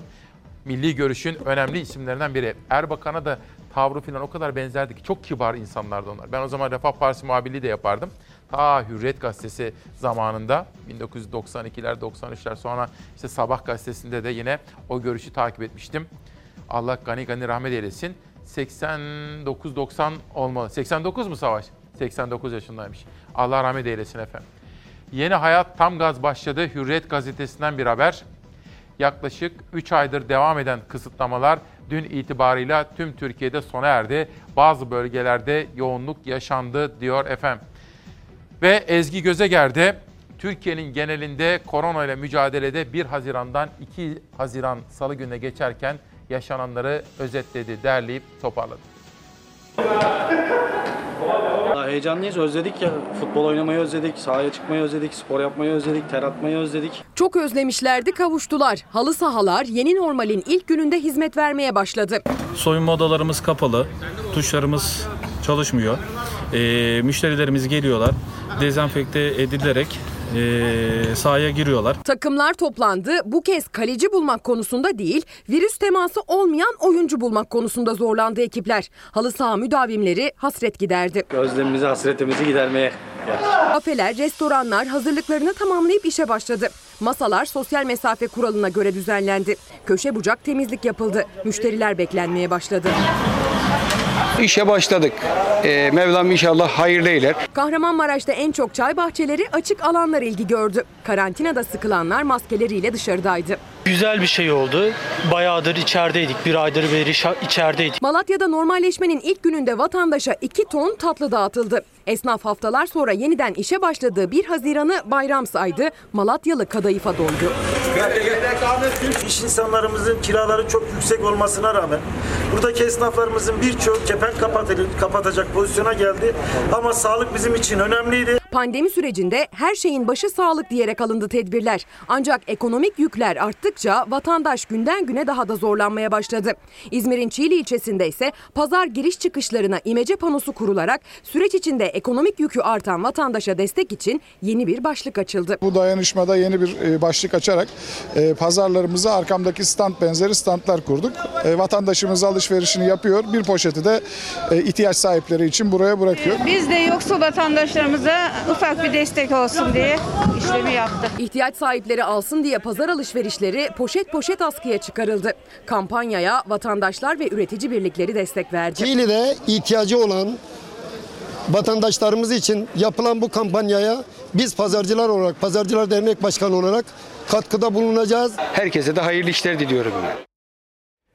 Can Yeliz de diyor ki İsmail abi ücretli öğretmenlerin sesi olun 10 gün sonra işimiz sona erecek diyor. Sigortasız kalacağız diyor. Buradan Milli Eğitim Bakanı'na duyuralım. Bir anons yapmak isterim efendim. Avrupa Birliği'nin desteklediği, fonladığı bir proje var. Gençlerimiz ilgi gösterebilirler. İstanbul Üniversitesi'nin koordinasyonunda oluyor bu. Avrupa Birliği tarafından fonlanıyor yani destekleniyor. Projenin adı Dijital Pazarlama ve İletişim Becerilerini Güçlendirmek yani günümüze uygun dijital pazarlama ve programa başvurular da 25 Mayıs'ta başlıyormuş. 18 Haziran arasında www.micromaster.eu yani Avrupa Birliği adresinden başvurulabilirlermiş efendim. Programa başvuran ve uygun bulunan adayların Avrupa Birliği tarafından sağlanan burs kapsamında eğitim alması mümkün olacak. İstanbul Üniversitesi koordinasyonunda yapılıyor. Makedonya'ya kadar pek çok ülkede katkı veriyor. Önemli bir fırsat olabilir. Bir gün, bir günden bir ekonomi manşeti sonra esnafa gidiyorum. Devletin geçiştirdiğini E-Devlet belgeledi. Hadi çığlığı duymadınız, gözünüz de mi görmedi? Geçim derdi çığlığı ekranda diyor. Uğur Koç'un yazdığı Bir Gün gazetesinin manşetinde. E-Devlet'in en çok kullanılan hizmetler ekranı yurttaşın geçim derdi ve işsizliğe dair sessiz çığlığını yansıtan bir hale büründü. Aynı dönemde Google'daki işkur aramalarında yaşanan yoğunlukta tarihi zirvesine çıktı. Memleketin en can alıcı sorunlarının bir tanesi ki dün, ki dün Profesör Erinç Yerdan hocamla bu konuda bir çalışmaları var. Bunu konuşmaya başladık. Sizlere anlatma imkanı da bulacağım. Bu salgının ekonomiye ve piyasalara nasıl yansıdığını, bu salgının ekonomiyi, halkımızı nasıl etkilediğini araştırıyorlar. Ben de sizlere onu anlatma imkanı bulacağım. Profesör Erinç Yeldan'dan. Manşet şu. İki kelimelik bir manşet söyleyeceğim. Esnaf dertli. İnsanlar hem krediyi mi ödesinler, elemanlarına mı yardımcı olsunlar, hem dükkanımı çevirmeye çalışsınlar. Çok zor olacak. Zor, zor da zaten. Kredi işte düşük faiz veriyoruz, şöyledir, böyledir vesaire. Ya ben açıkçası artık gerçekten bu durumdan, bu durumlardan çok sıkıldım. İnanın insanlar da çok bunaldılar bu konuda. Geleceğini borçlandırıyor başka bir şey yapmıyor ki. Yani geleceği iki ay, iki ay sonra, üç ay sonra ben o parayı ödeyeceğim ama nasıl ödeyeceğim?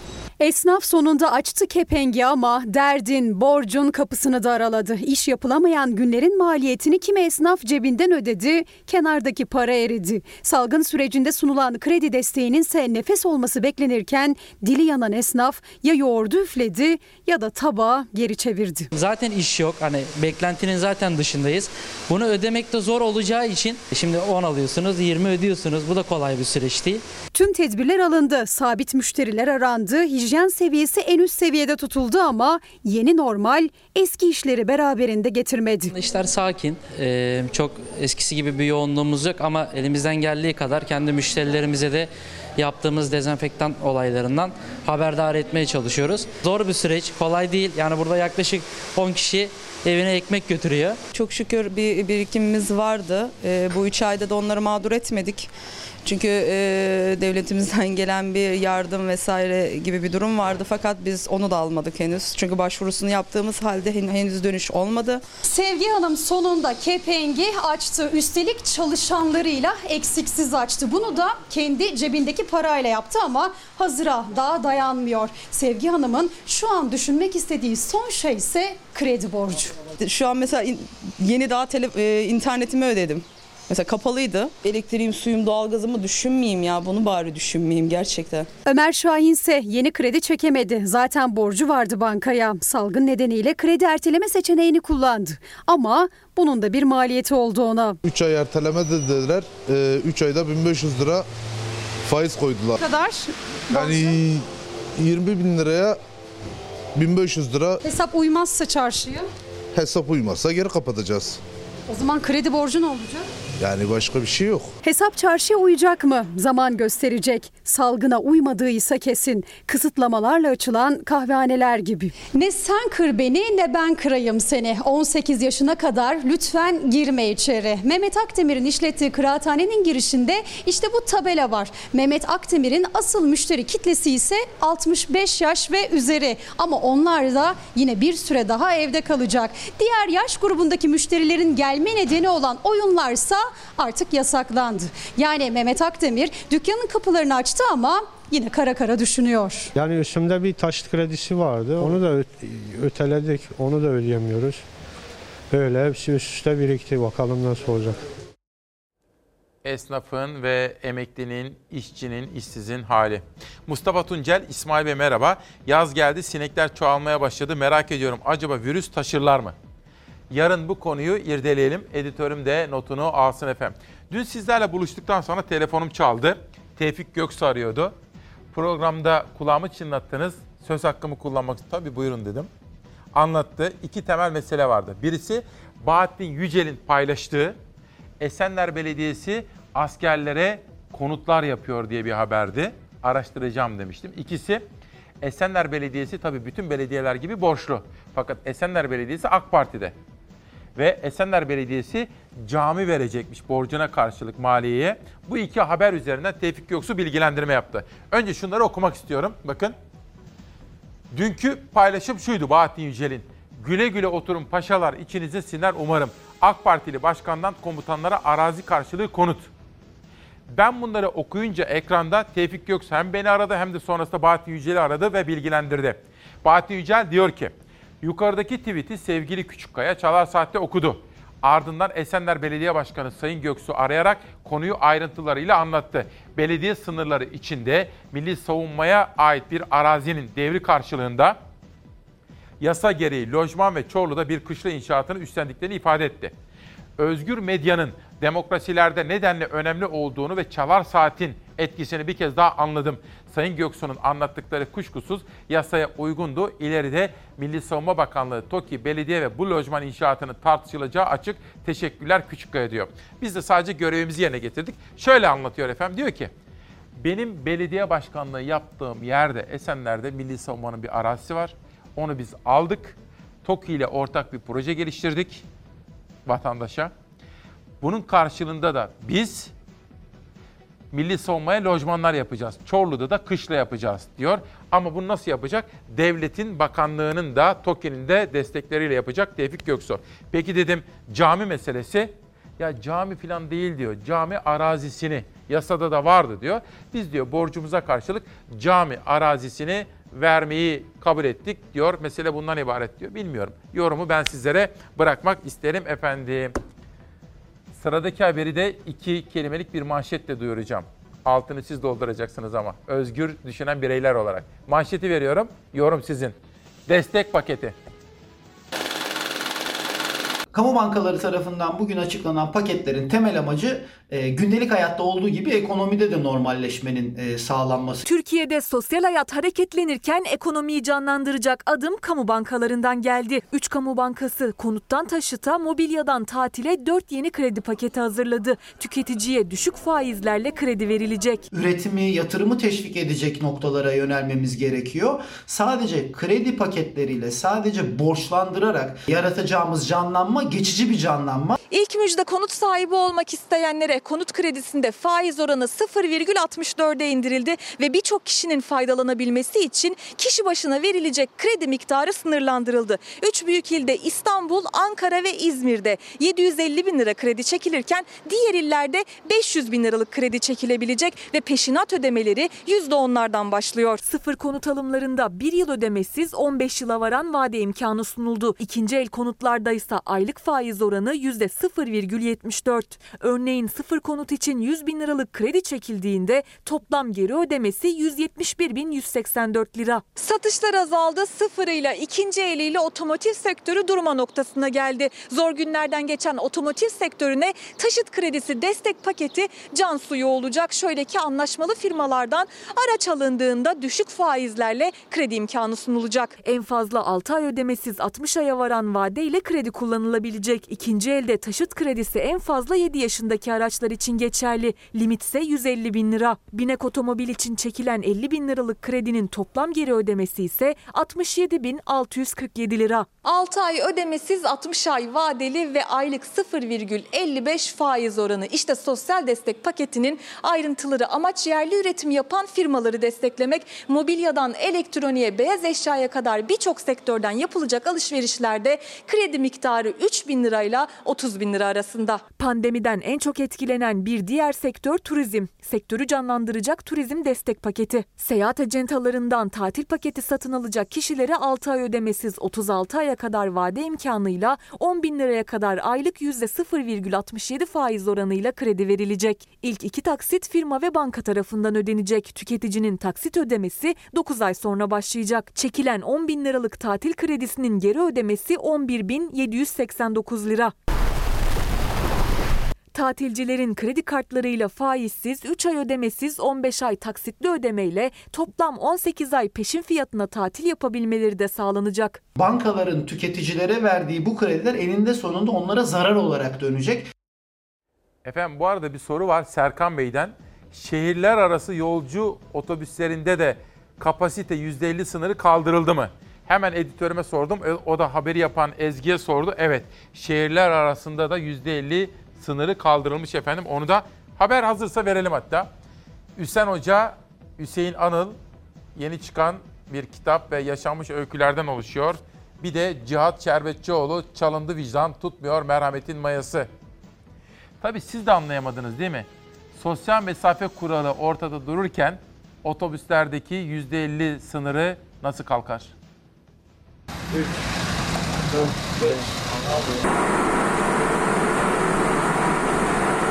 Toplu ulaşımda yarı kapasite yolcu zorunluluğu kaldırıldı. Şehir içinde ayakta yolcu alımı ise yasaklandı. Sosyal mesafeye biraz önem gösterelim. İkili mesafeleri tutmamaya özen gösterelim. İçişleri Bakanlığı 81 ilin valiliğine gönderdi ilgili genelgeyi. Koronavirüs salgını sebebiyle bilim kurulu tavsiyesiyle yapılan toplu ulaşım düzenlemelerinde değişiklikler yapıldı. %50 yolcu kapasitesiyle yolculuk konusunda getirilen zorunluluk kaldırıldı. Genelgeye göre minibüs, dolmuş, halk otobüsü, belediye otobüsü gibi kent içi ulaşım araçlarına ayakta yolcu alınmayacak. Karşılıklı dörtlü koltukların ikisi kullanılmayacak. Yolcular yüz yüze gelmeyecek şekilde çapraz olarak oturacak. Sonra Bey sen şimdi bir dakika önce tutarak. Evet sen de bir dakika sonra doldurdun arabayı. Bir dakika sonra doldurduğum mu var ha güzel abim. Zaten orada dururken arabada olmuş ben de çıktım. Sen ceza yazarken millet binmiş. Metro, metrobüs ve tramvay gibi kendine has oturma düzeni olan toplu ulaşım araçları için il, ilçe hıfzı sıha kurullarınca alınacak kararlar belirleyici olacak. Bu araçlara ayakta yolcu alınıp alınmayacağı, sosyal mesafeyi koruyabilmek adına yolcu kapasitesinin hangi oranda tutulacağını hıfzı sıha kurulları belirleyecek. Öte yandan şehirler arası yolcu taşıma araçları ve personel servislerinde de %50 kotası kaldırıldı. Araç içinde yolcuların oturma şekli yolcuların birbiriyle temasını engelleyecek şekilde olacak. Kararlara uymayan vatandaşlara umumi hıfzı sıha kanunu gereğince idari para cezası verilecek ve bu kişiler hakkında aykırılığın durumuna göre kanunun ilgili maddelerinden işlem yapılacak. Fazla yolcu eğer araçta varsa binmemeye dikkat ediyor. Ve bugün işte bizim bir görevimiz insanları yaşatmaksa bir diğer görevimiz de bu yalan dünyadan göçüp gidenleri eserleriyle ve isimleriyle yaşatmaktır efendim. Ahmet Arif'i iki can diyeceğiz. iki parça can. Fikret Kızılok en sevdiğim yorumuyla Ahmet Arif şiiri gelecek efendim. Ama önce küllenmeyen aşk Arif Hikmet Öztürk. Ve çocukluğumu ört üstüme Şevket Karakış. Siyah Kara isimli kitabıyla Nur Türk. Bir de Oruç Aroba. Onu yitirdik ya. Seven insan aldatır mı hiç diye soruyor Oruç Aroba. İlişkide aldatma olmaz, olamaz. Eğer varsa ilişki aslında yoktur. Şunu şöyle bir düşün. Aldatabileceğin bir kişiyi sevebilir misin? Aldatabiliyorsan sevmiyorsundur. Seviyorsan da aldatmak aklından ve içinden gelmez. Rüya bütün çektiğimiz Rüya kahrım rüya zindan. Nasıl da yıllar buldu. Bir mısra boyu macera. Rüya bütün çektiğimiz. Rüya kahrım rüya zindan. Nasıl da yılları buldu. Bir mısra boyu macera Bilmezler nasıl aradık birbirimizi. Bilmezler nasıl sevdik. İki yitik hasret iki parça can. Bilmezler nasıl aradık birbirimizi. Bilmezler nasıl sevdik. İki yitik hasret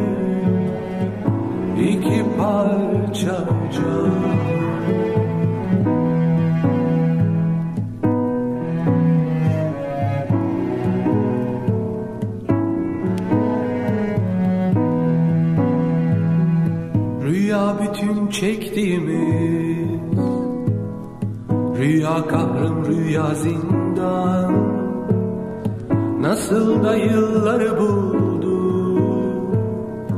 Bir mısra boyu macera Rüya bütün çektiğimiz. Rüya kahrım rüya zindan. Nasıl da yılları buldu bir mısra boyu macera Bilmezler nasıl aradık birbirimizi. Bilmezler nasıl sevdik İki yitik hasret. İki parça can Bilmezler nasıl aradık birbirimizi. Bilmezler nasıl sevdik. İki yitik hasret